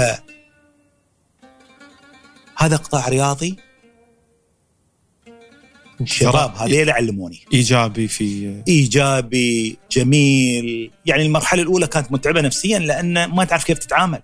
ونحن تعرف حساس تجاههم. الشباب هذول ما شيء ما بحساسين تجاه بعض يعلقون على بعض. يعني في النهاية ف فخلاص تندمج معاهم. ولكن هم الخير والبركة ترى. يعني عقبها الأمور في حياتي تيسرت سبحان الله. عمار يعني أمور جميلة كانت تحصل. وأنا دخلت يعني دخلتي لهم شوي ما كانت سهلة. لأن كنت متحسس. وخايف أجرح حد كلمة. وخايف أنجرح أيضا كذلك يعني صعب شوية. ولكن علموني أن الإنسان قوي وما في إعاقة موجودة، الاعاقه مجتمع يخلقها. فهاي تجربتين في الرياضة ولكن الرياضة. تجربتين مختلفات مع فئات أيضا مختلفة. طيب بس قبل ما أختم موضوع الرياضة أنا سألتك عن رأيك في الإعلام اليوم وتقييمك لواقع الإعلام اليوم رأيك بال تبع الرياضي ومتابع للرياضة سواء كرة القدم سواء الطائرة أهلاوي اول شيء راضي على الأهلي؟ الأيام هاي شباب الأهلي الأهلي لأنه في دمج بين ناديين بين نادي الشباب والنادي الأهلي فتحول إلى شباب الأهلي. راضي على مصدرين لين اليوم مصدرين اليوم عندهم مباراة بين الأهلي والنصر غريبين. ديربي في دبي بين حضرت مبارياتهم الأولى وأنا صغير. على ملعب يسمونه استاد دبي. في بر دبي. آه، استاد دبي هذا ما ما باستاد كان. يعني الناس تجلس على عرقوب رمل. يطل على تشوف المباراة. تشوف المباراة. الملعب كان طيني يذكر. والشبك حوله. والناس ياسع على العرقوب. هذا وكثبان رمليه يعني. واسم استاد دبي في النهاية. فرحانة. فعاصرت يعني. إخواني كانوا يودوني وأنا صغير المباريات هاي. فعاصرت الحقبه كلها فنادي شباب الأهلي اليوم متميز متصدر. اليوم عنده مباراة يا النصر ما أدري شو بيحصل. بس تراضي على نعم نعم. النادي آه، متميز. خذ الدوري السنة الماضية اللعبات الجماعية متميز فيها. أكثر نادي جاب بطولات في جميع الألعاب السنة الماضية. فمتميز على مستوى على مستوى, على مستوى الدولة على مستوى الدولة. الدولة على مستوى الدولة. ونادي تاريخ عريق يعني من أقدم آه، أندية آه، الدولة عموما. برا برا برا دبي من تشجع؟ ما ما تابع. بقول لك أنا ما تابع المباريات العالمية. لا مو العالمية إحنا خلنا بالاتحاد الحين يعني. يعني ما تابع أتابع. أحاول أسحب ريلك اخذ اخذ لا آخذ تصريح منك. جزء من من آه الاسترخاء عندي. أتابع الدوري الإماراتي أتابع مباريات الفرق اللي معرضة للهبوط. لحظة هو معرض للهبوط ليش يعني الفرق اللي تحت أتابعها. وين المتعة في إنك تتابع لي؟ أتابعها لي أنا راحه ذهنيه الأمانة بقول لك. وايدين يستغربون من العملية ولكن أوقات يوم أكون منهك تلقاني في البيت أتابع وايدين يستغربون. بس بينك وبين نفسك أكيد تسأل اليوم مثلا الثلاث أربع الكبار اللي قاعد يلعبون مثلا يعني من اللي بيفوز؟ حتى لو ما تبي تشوف المباراة عشان لا تحرق أعصابك بس كذا بتسأل يعني. اليوم بتابع مباراة شباب الأهلي والنصر على سبيل المثال الساعة 7 ونص.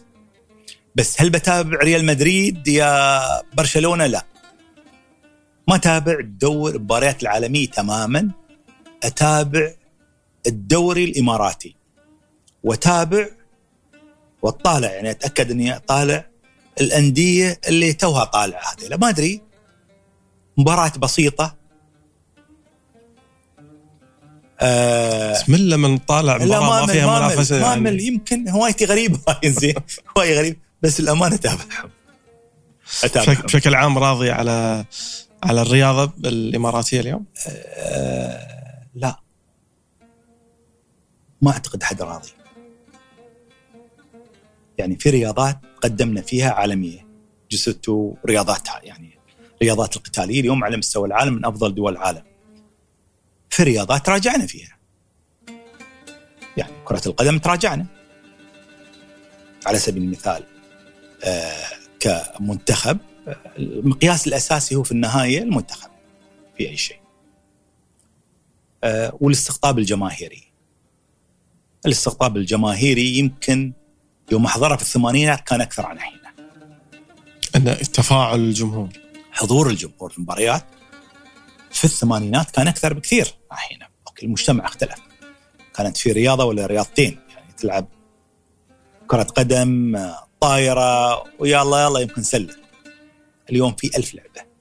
المجتمع تغير. آه كأداء عام في الرياضة بصورة عامة لا ولكن في مواضيع فوقنا فيها. الرياضات القتالية على سبيل المثال أن الثقافة العامة للرياضة. ثقافة عامة. الرياضة أيضا مجتمعيه يعني نظرتي للرياضة أن الرياضة ما تكون فقط لفئة معينة.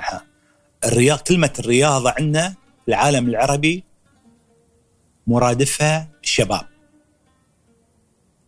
يعني وزير الرياضة والشباب والشباب. في العالم العربي. بس هي الرياضة الأكثر انتشارا واللي تهم فئة الشباب أكثر هي كرة القدم تحديدا نعم هي نعم. المشكلة ما أقدر أقول هالكلام في محضر واحد يحب الطائرة أكثر من كرة القدم. وأنت ترى مع واحد لا لا بكرة القدم ولا لا بالطائرة يعني بالمناسبة يعني. بس أقصد هي كرة وأنت لما تذكر آه، أبو سعيد أن في الثمانينات كان التفاعل ال- ال- الجماهير الإماراتي المواطنين مع مباريات كرة القدم كان أكبر. الحين تراجع لأن الرياضة آه، تراجعت. الرياضة طالع في كرة القدم تحديدا. الرياضة لا طالع. مرت الرياضة في الدولة بمراحل طبيعة الأمور. قلت لك أنا نحن صغار يعني يو أقوى فريق في الخليج منتخب الكويت. نغلب 6 6 0 7 0 من الكويت. أول مرة تعادلنا كنا فزنا 10 0 يعني في ذاك كان الوقت.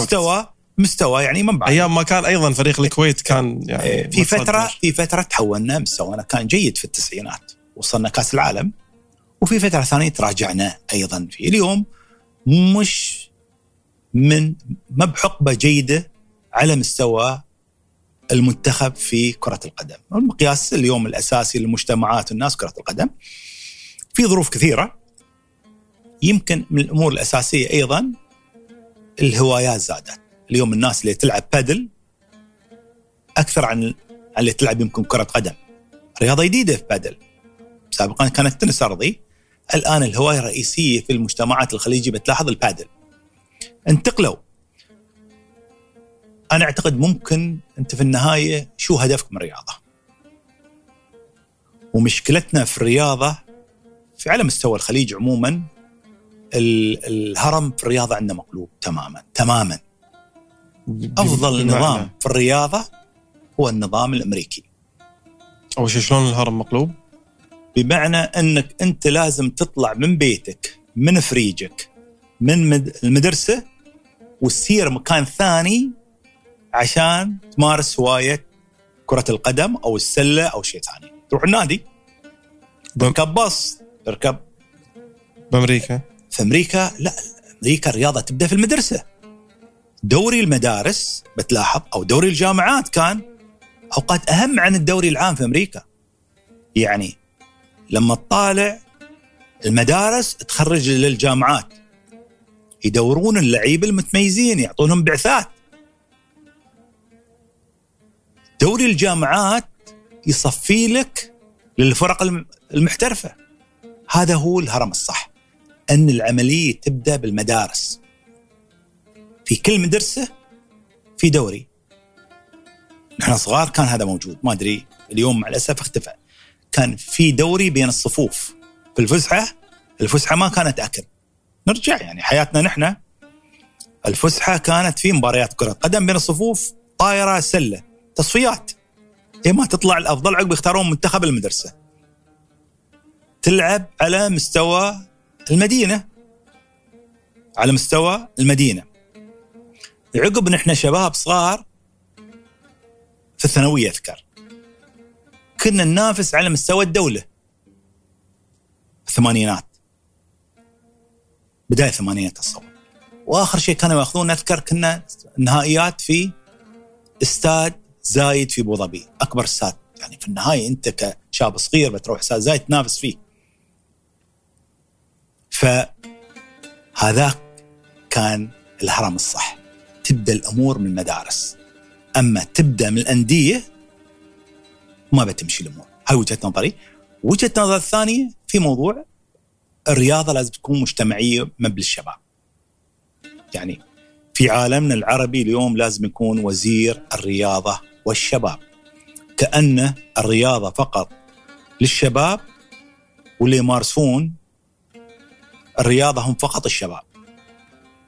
الرياضة المفروض تكون للجميع في النهاية هي مو صحيحة لأن أنت الأطفال يمارسون صحيح. رياضة والكبار في السن والكبار. في ف... السن. فايضا حكوميا في العالم العربي عندنا إشكالية وأيضا الشباب ما بشرط الشاب يمارس فقط الرياضة في أمور ثانية الشاب ممكن يمارسها هوايات ثانية يمارسها فركزوا على الرياضة فما يعني على مستوى الوطن العربي أنا ما أعتقد اليوم عندنا يعني لما تطالع بالدول الثانية عدد الميداليات مجمعة تطالع الميداليات الأولمبية جمع العالم العربي كدولة وحدة وطالع ميداليات. كم؟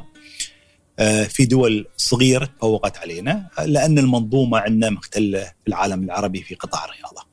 طيب ما عليك. إحنا يمكن تكلمنا ان انت كنت آه، في المكتب التنفيذي مدير المكتب التنفيذي آه، في ال 2000 تقريبا. نعم.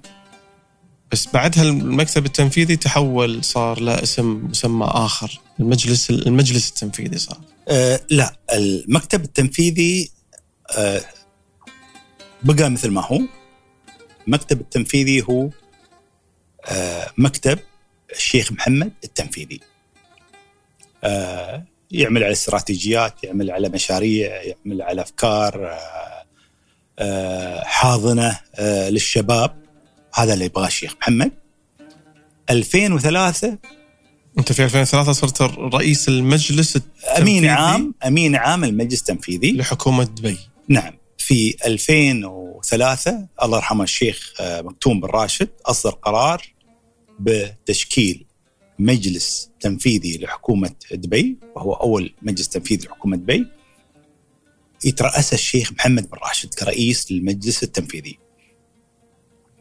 فكنت أول أمين عام لمجلس دبي التنفيذي في 2003 آه، وكان يضم آه، لمجلس دبي التنفيذي فيه المجلس- لحكومه دبي. ال- ال- المجلس التنفيذي في حكومة دبي.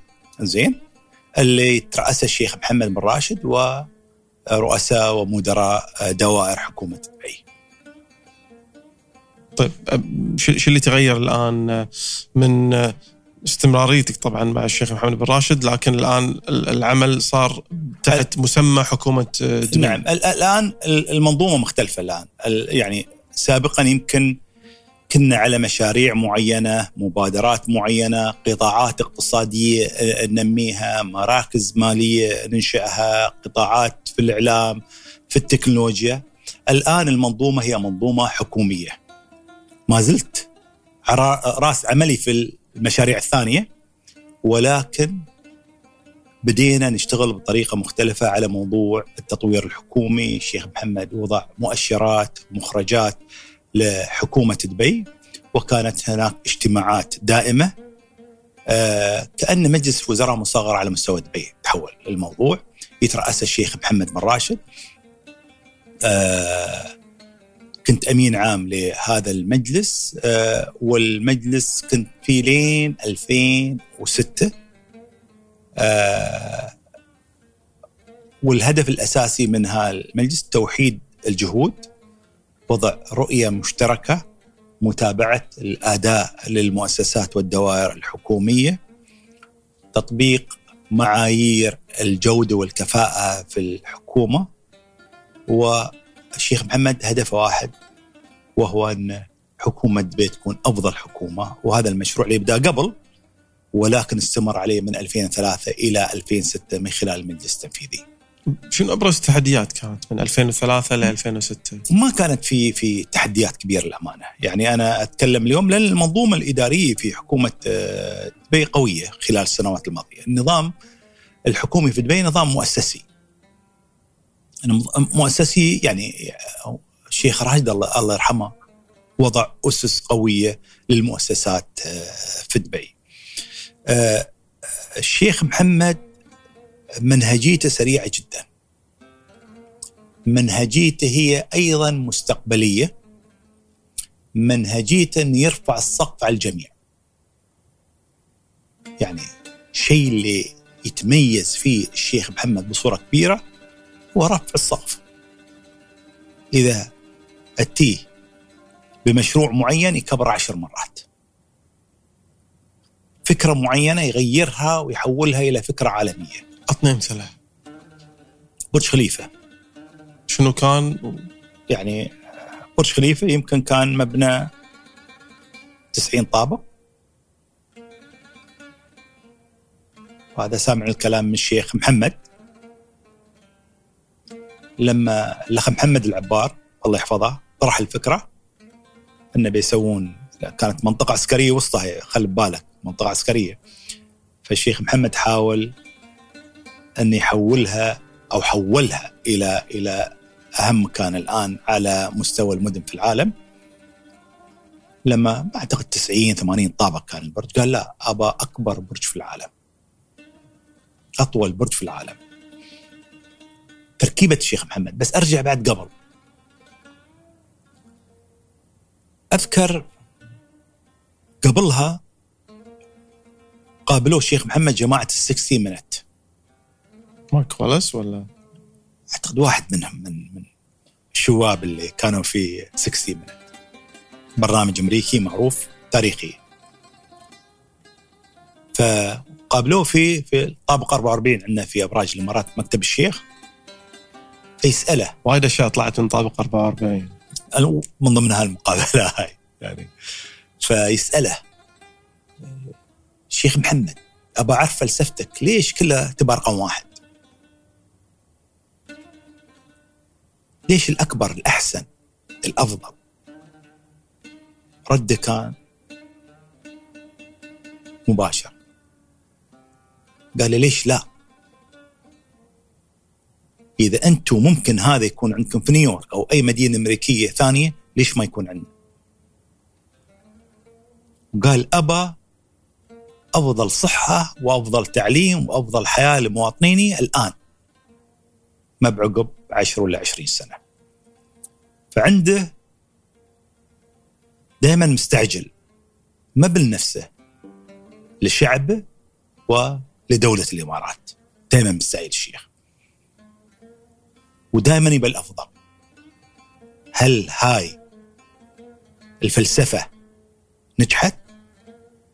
نعم نجحت. ونجحت بقوة. يعني مرافقنا طوال تقريبا ثلاث عقود. كنا ما نفهم لما يقول أفضل أكبر بسرعة ويتابع. خلص مشروع اشتغل على المشروع اللي بعده. نقلني أنا في يمكن 100 وظيفة. مشروع اللي بعده مشروع اللي بعده. اليوم فهمنا أن اللي سواه الشيخ محمد بناء شيء كبير جدا. رحت له مرة بفكرة مشروع. أنت داش بشيء طلعت بشيء ثاني تماما. هو دائما مبتكر في مشاريعه. يعني بعطيك مثال. يمكن بطلع شيء من الموضوع. على الأكبر على الأفضل على رقم واحد. في 2006 بداية الحكومة الاتحادية رأسها الله يحفظه الشيخ محمد الراشد فأنا كوزير شؤون مجلس وزراء كلفني أن نشتغل مع فريق العمل على وضع الاستراتيجية الاتحادية. اشتغلنا على وضع الاستراتيجية ولكن ما بغينا بس استراتيجية. أيضا مؤشرات تنافسية للدولة. وين نحن؟ شو مستوانا يعني؟ هل نخاطب نفسنا ولا في معايير عالمية تقيمنا وتقيم أدائنا وتقيم قطاعاتنا كدولة. بيني وبين فريق العمل يعني كان حلمنا نكون يمكن من أفضل عشر دول، خلينا أذكر من ضمن الاستراتيجية إن نكون من أفضل عشر دول على مستوى العالم. فرحان أنا. طموح كبير كان. على مستوى العالم على مستوى العالم نتكلم الحين من افضل عشر دول على مستوى العالم فاخذت الاستراتيجية ومريت عليه في محمية المرموم برا دبي شوي أعرض الاستراتيجية وكذا والمؤشرات وقلت يعني نبى نكون من من أفضل عشر دول على مستوى العالم. طبعا انت رايح وحاط هال target هذا إنه يعني بيفرح بال target من افضل قال محمد شو؟ طول العمر من أفضل عشر دول. قال محمد أبي رقم واحد. والعمر يعني قدامنا دول أمريكا دول اسكندنافية متقدمة جدا سنغافورة بريطانيا. قال محمد نبي نكون أفضل دولة على مستوى العالم. عاشر دولة من طموحنا هاي كدولة الإمارات. دولة الإمارات تستاهل أكثر. وش يفرقنا؟ يفرق شبابنا عن أي حد ثاني في أي دولة ثانية. في أمريكا ولا في سنغافورة ولا في الدول الإسكندنافية. عيالنا مثل وأفضل عن أي حد ثاني. حاولت يعني السادس الثاني الرابع الخامس راضين. قال لي الأول. طلعت من عنده للمكتب آه، 45 دقيقة من المرموم تقريبا. أفكر كيف الأول الحين. صعبة. كلمت فريق العمل اجتمعنا وغيرنا المنهجية تماما. عملنا على طول عقبها اشتغلنا على مجلس الإمارات للتنافسية. يعني في النهاية الأول بدون تنافسية ما بتكون الأول. ف خلقنا مجلس تنافسية وضعنا معايير معينة في قطاعات معينة، اليوم في كثير من المؤشرات نحن رقم واحد. ونقيسها بصورة يومية مؤشرات وين نحن على مستوى العالم. شو مستوانا؟ والمؤشرات تقيس مدى صحتك كدولة. في كل القطاعات. وين نتقدم وإذا تراجعنا بتكون عندنا اجتماع خلية أزمات نعتبرها إذا تراجعنا في شيء. يعني كارثة إذا تراجعنا في مؤشراتنا. ووضعت كاستراتيجية ما بس اليوم دائمة لدولة الإمارات. بتلاحظ يمكن الدولة الوحيدة عندها رؤية واستراتيجي لين 2071 تكون مرور 100 عام على قيام دولة الإمارات أن نكون رقم واحد. فنحن بنروح كوزراء كمسؤولين. والحين بيون بي لو كان بي, بي جيل ثاني بعدنا وجيل ثالث. هذيل عندهم هدف واحد لدولة الإمارات. أن تكون الأول في العالم لين 2071 لا بس في عندكم رؤية الحين إلى سنة 2071 عندنا رؤية 2071 أن نكون أفضل دولة في العالم. هالرؤية بتكون موجودة سنويا. في وزارة بتقدم في جهة يمكن تتأخر شوي بتكون عندنا خلية أزمات تعالج ليش راجعنا في الموضوع الفلاني؟ فتحولت الفكرة إلى منهجية في عمل حكومة دولة الإمارات. وفي كل قطاعات يعني في النهاية اليوم موضوع تنافسية الدول من المواضيع الأساسية. الدول مع الأسف أو كثير من الدول ما عندها رؤية. وكثير من دول العالم العربي بدون استراتيجية وأغلب الدول بعد بدون مؤشرات أداء. تقيس كيف أقيس أنا أداء مؤسسة معينة أو وزير معين من دخوله إلى طلوعه هالوزارة هل تقدم أو تأخر. وعملية تدريجية كانت عملية منهجية تدريبية. في البداية طلبنا من كل وزير على الأقل يكون في مؤشر عالمي واحد رقم واحد. أقل شيء يكون في مؤشر واحد رقم واحد. فكر جالس أنت تبثه وتغيره وتطلب من الناس تدخل هالتنافسية هاي. وما ترضى مؤسستك تكون أقل عن أي مؤسسة ثانية على مستوى العالم. يعني شو الفرق بين أي وزارة ووزارة ثانية في بريطانيا في العالم العربي؟ إذا القيادة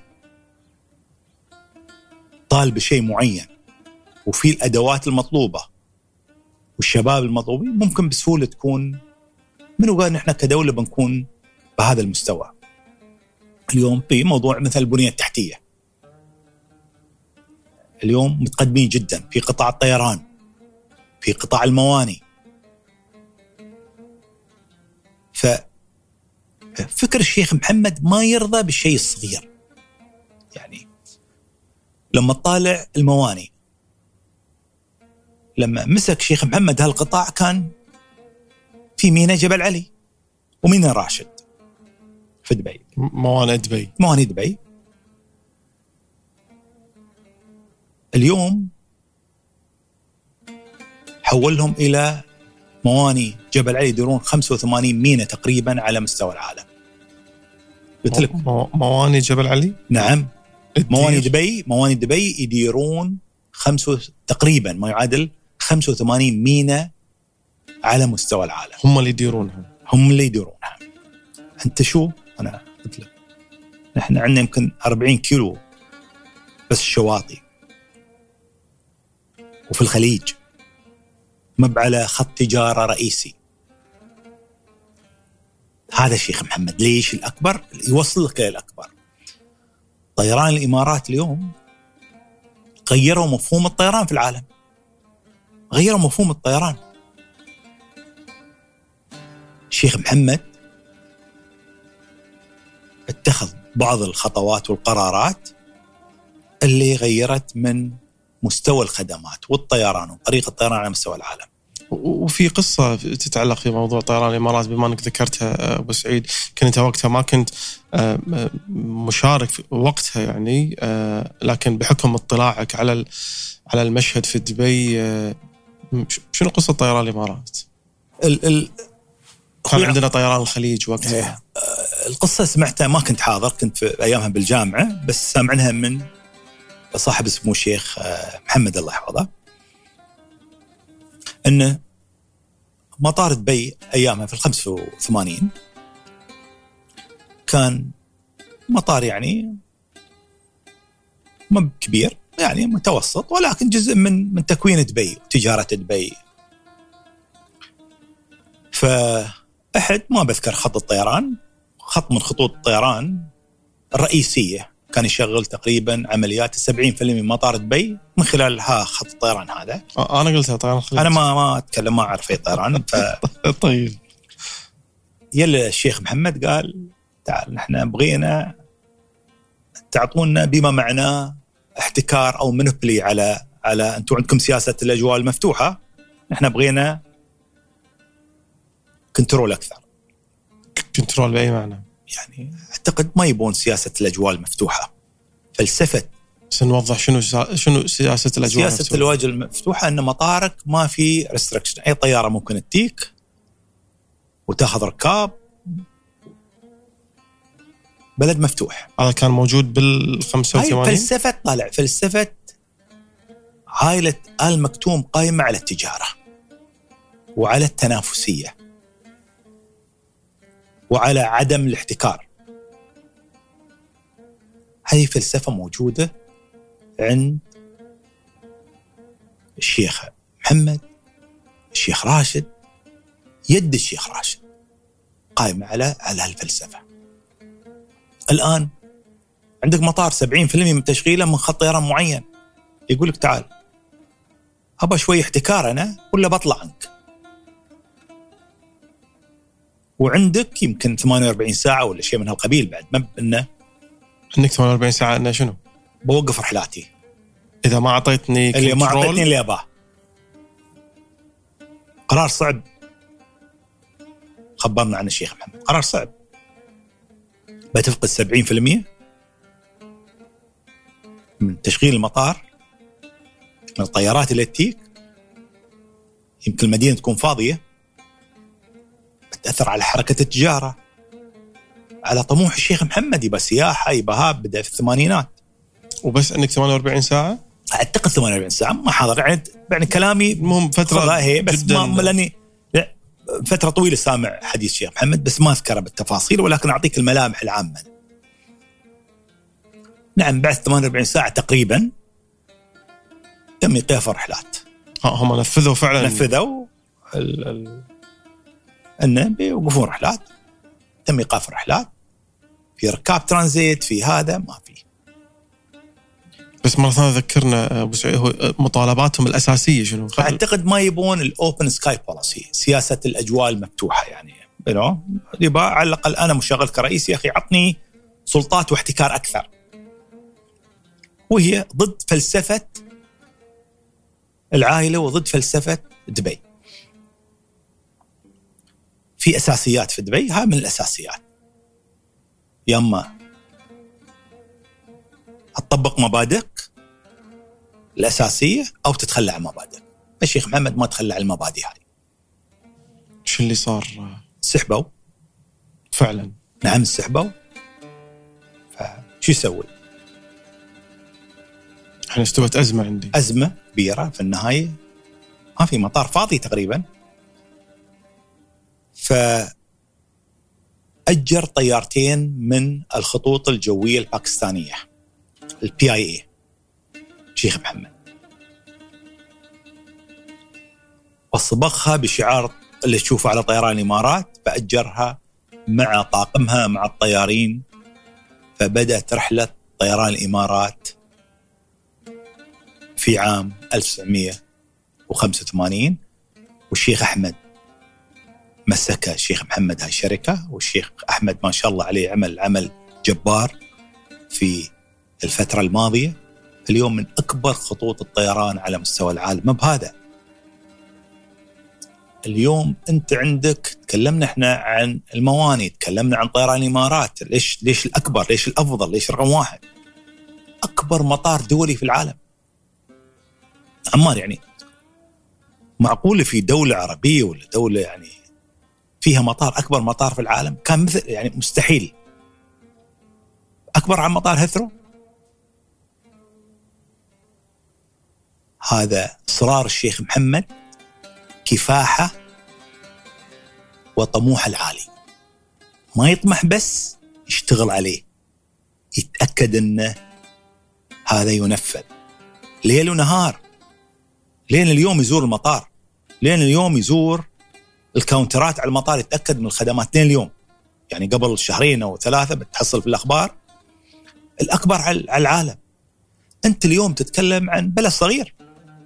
إمكانياتنا البسيطة أيضا ولكن في إيمان من الشيخ محمد بشباب البلد بالبلد أن ليش لا؟ مثل ما رد على مال برنامج 60 Minutes why not؟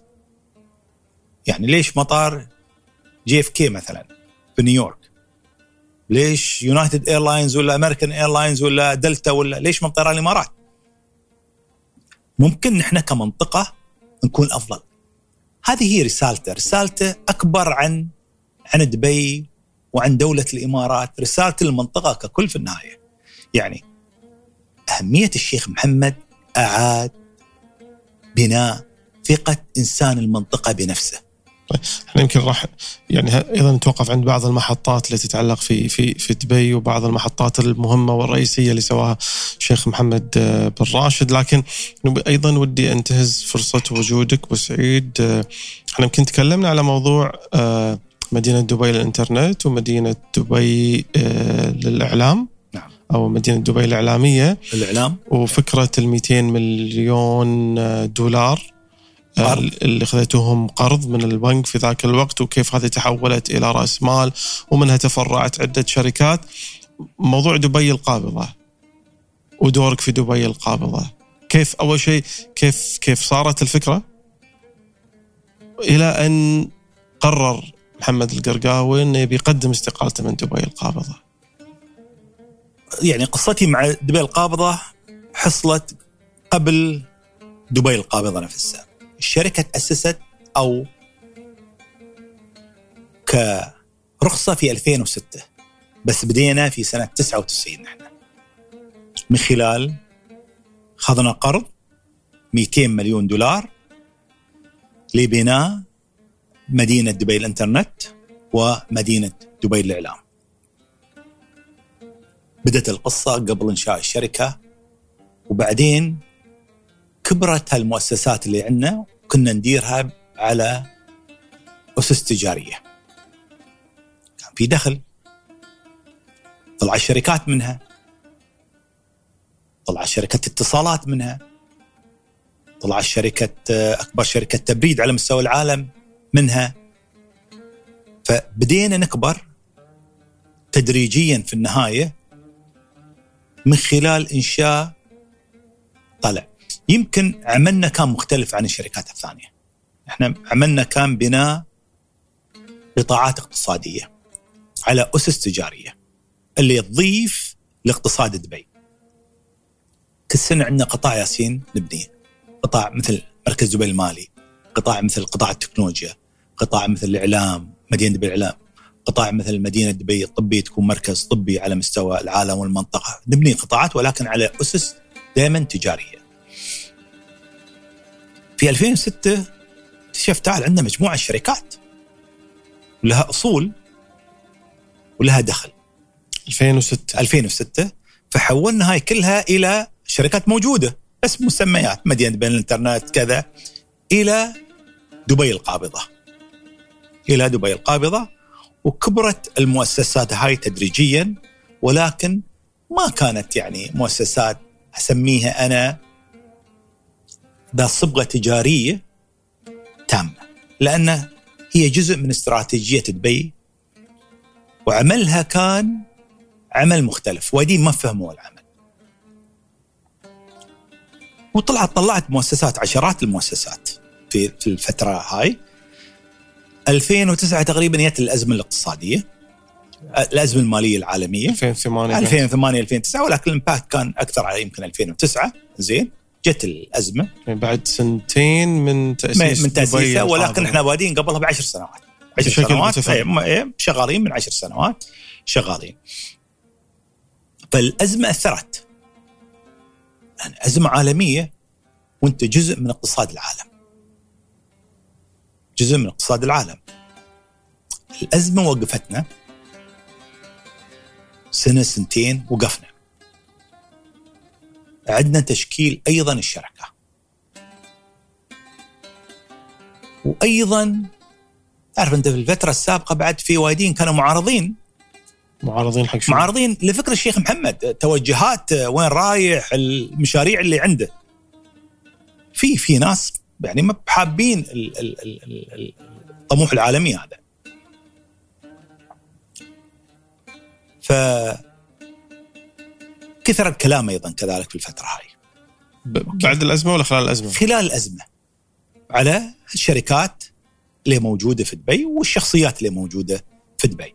تعرف طبيعة طبيعة الحياة، طبيعة البشر، طبيعة الناس. الناس اللي كانت اللي ناقمة خارج واللي واللي واللي بس حاسب. من الإمارات. إيه واللي يعني برع وخارج. الحين برا ممكن برا برا تتكلم على اللي برع الإعلام العالمي. أنا أتكلم برع فقاعة آه الفقاعة هذه عرفت شو قايل؟ دبي فقاعة أمور مثل هاي. الإعلام عبارة عن الإعلام مجرد مباني مباني سكنية. الخارج الجرايد العالمية والله الناس تركب سياييرهم بالمطار وركبوا الطيارات. عملية كانت صعبة وفي حد في الداخل بعد كذلك تعرف في ناس تحب تشمت يعني في النهاية جزء من تكوين النفس البشرية. ف كانت فترة ما بسهله فترة صعبة كانت. صعبه على الجانب النفسي وعلى الجانب المهني في النهاية. تعال. في نحن طايرين.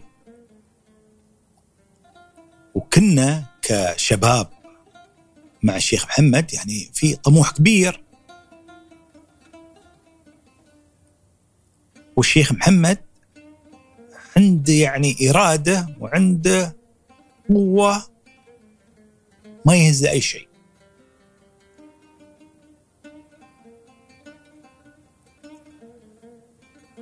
ف سنتين كانت صعبات.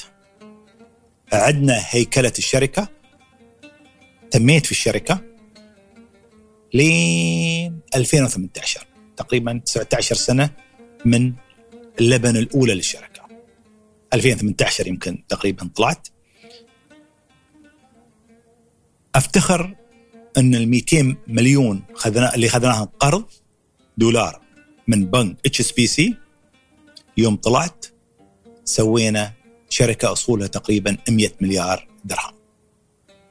طلعت أيضا كان فيها 9 مليارات كاش. تحدي الأزمة المالية العالمية كان صعب على المستوى الشخصي على المستوى المهني ولكن إحنا رجال. رجال لازم نوقف الشركة على ريلها مرة ثانية. أصولها موجودة مليارية تكون أصولها تخدم أهم شيء اقتصاد البلد. والحمد لله. فصرت عند الشيخ محمد. في 2018 يعني ال... كنت لازم أحدد اليوم. هل لازم تعرف أنت قدراتك أيضا كإنسان؟ يعني يوم عمري 30 أقدر أركض بسرعة معينة.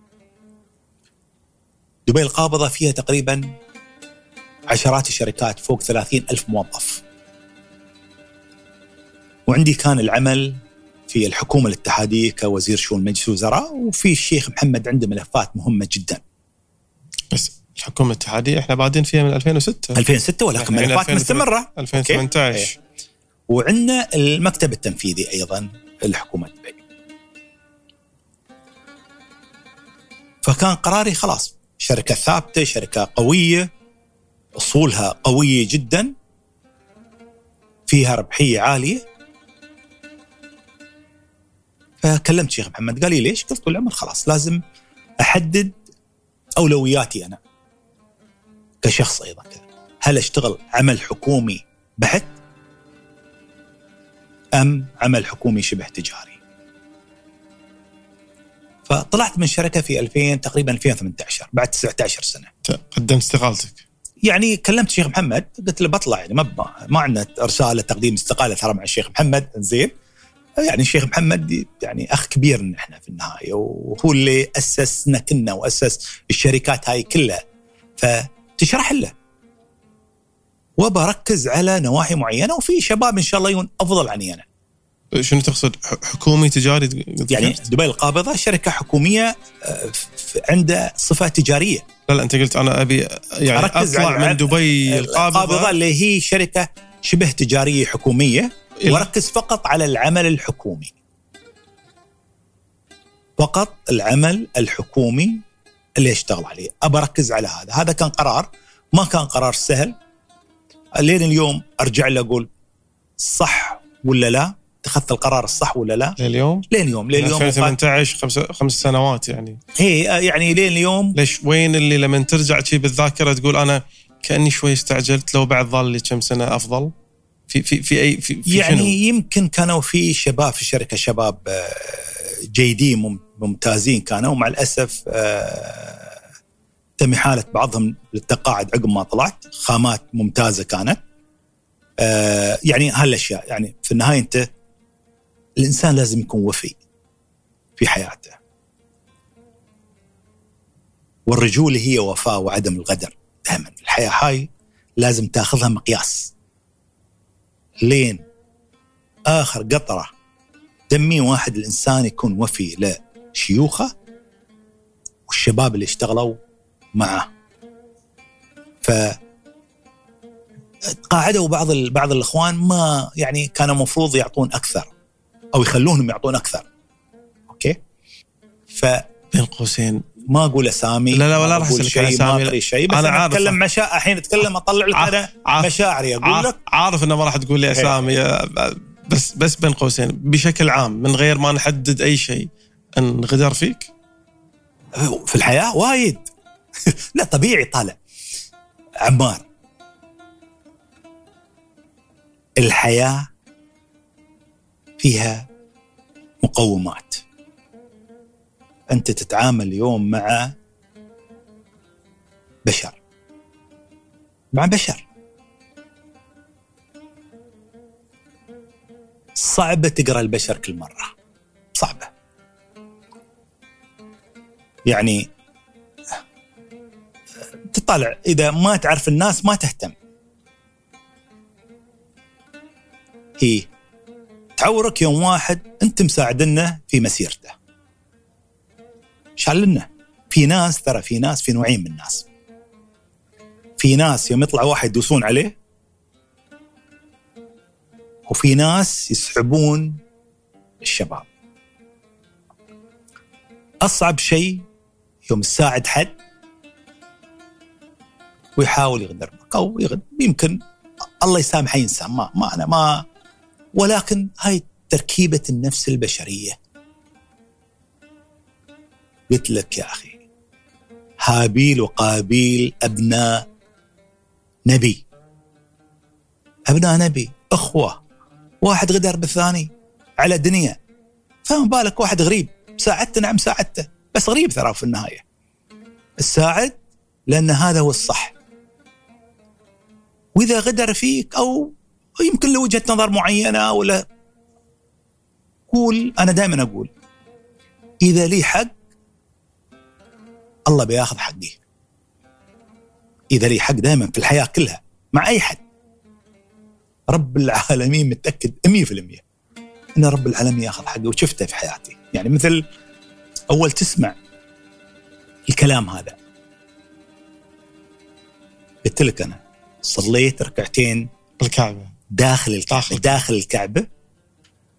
وكلت أمري إلى الله في حياتي كلها. هاي يعني وثقت فيه أهم يعني وثقت بالله. ثقة تامة.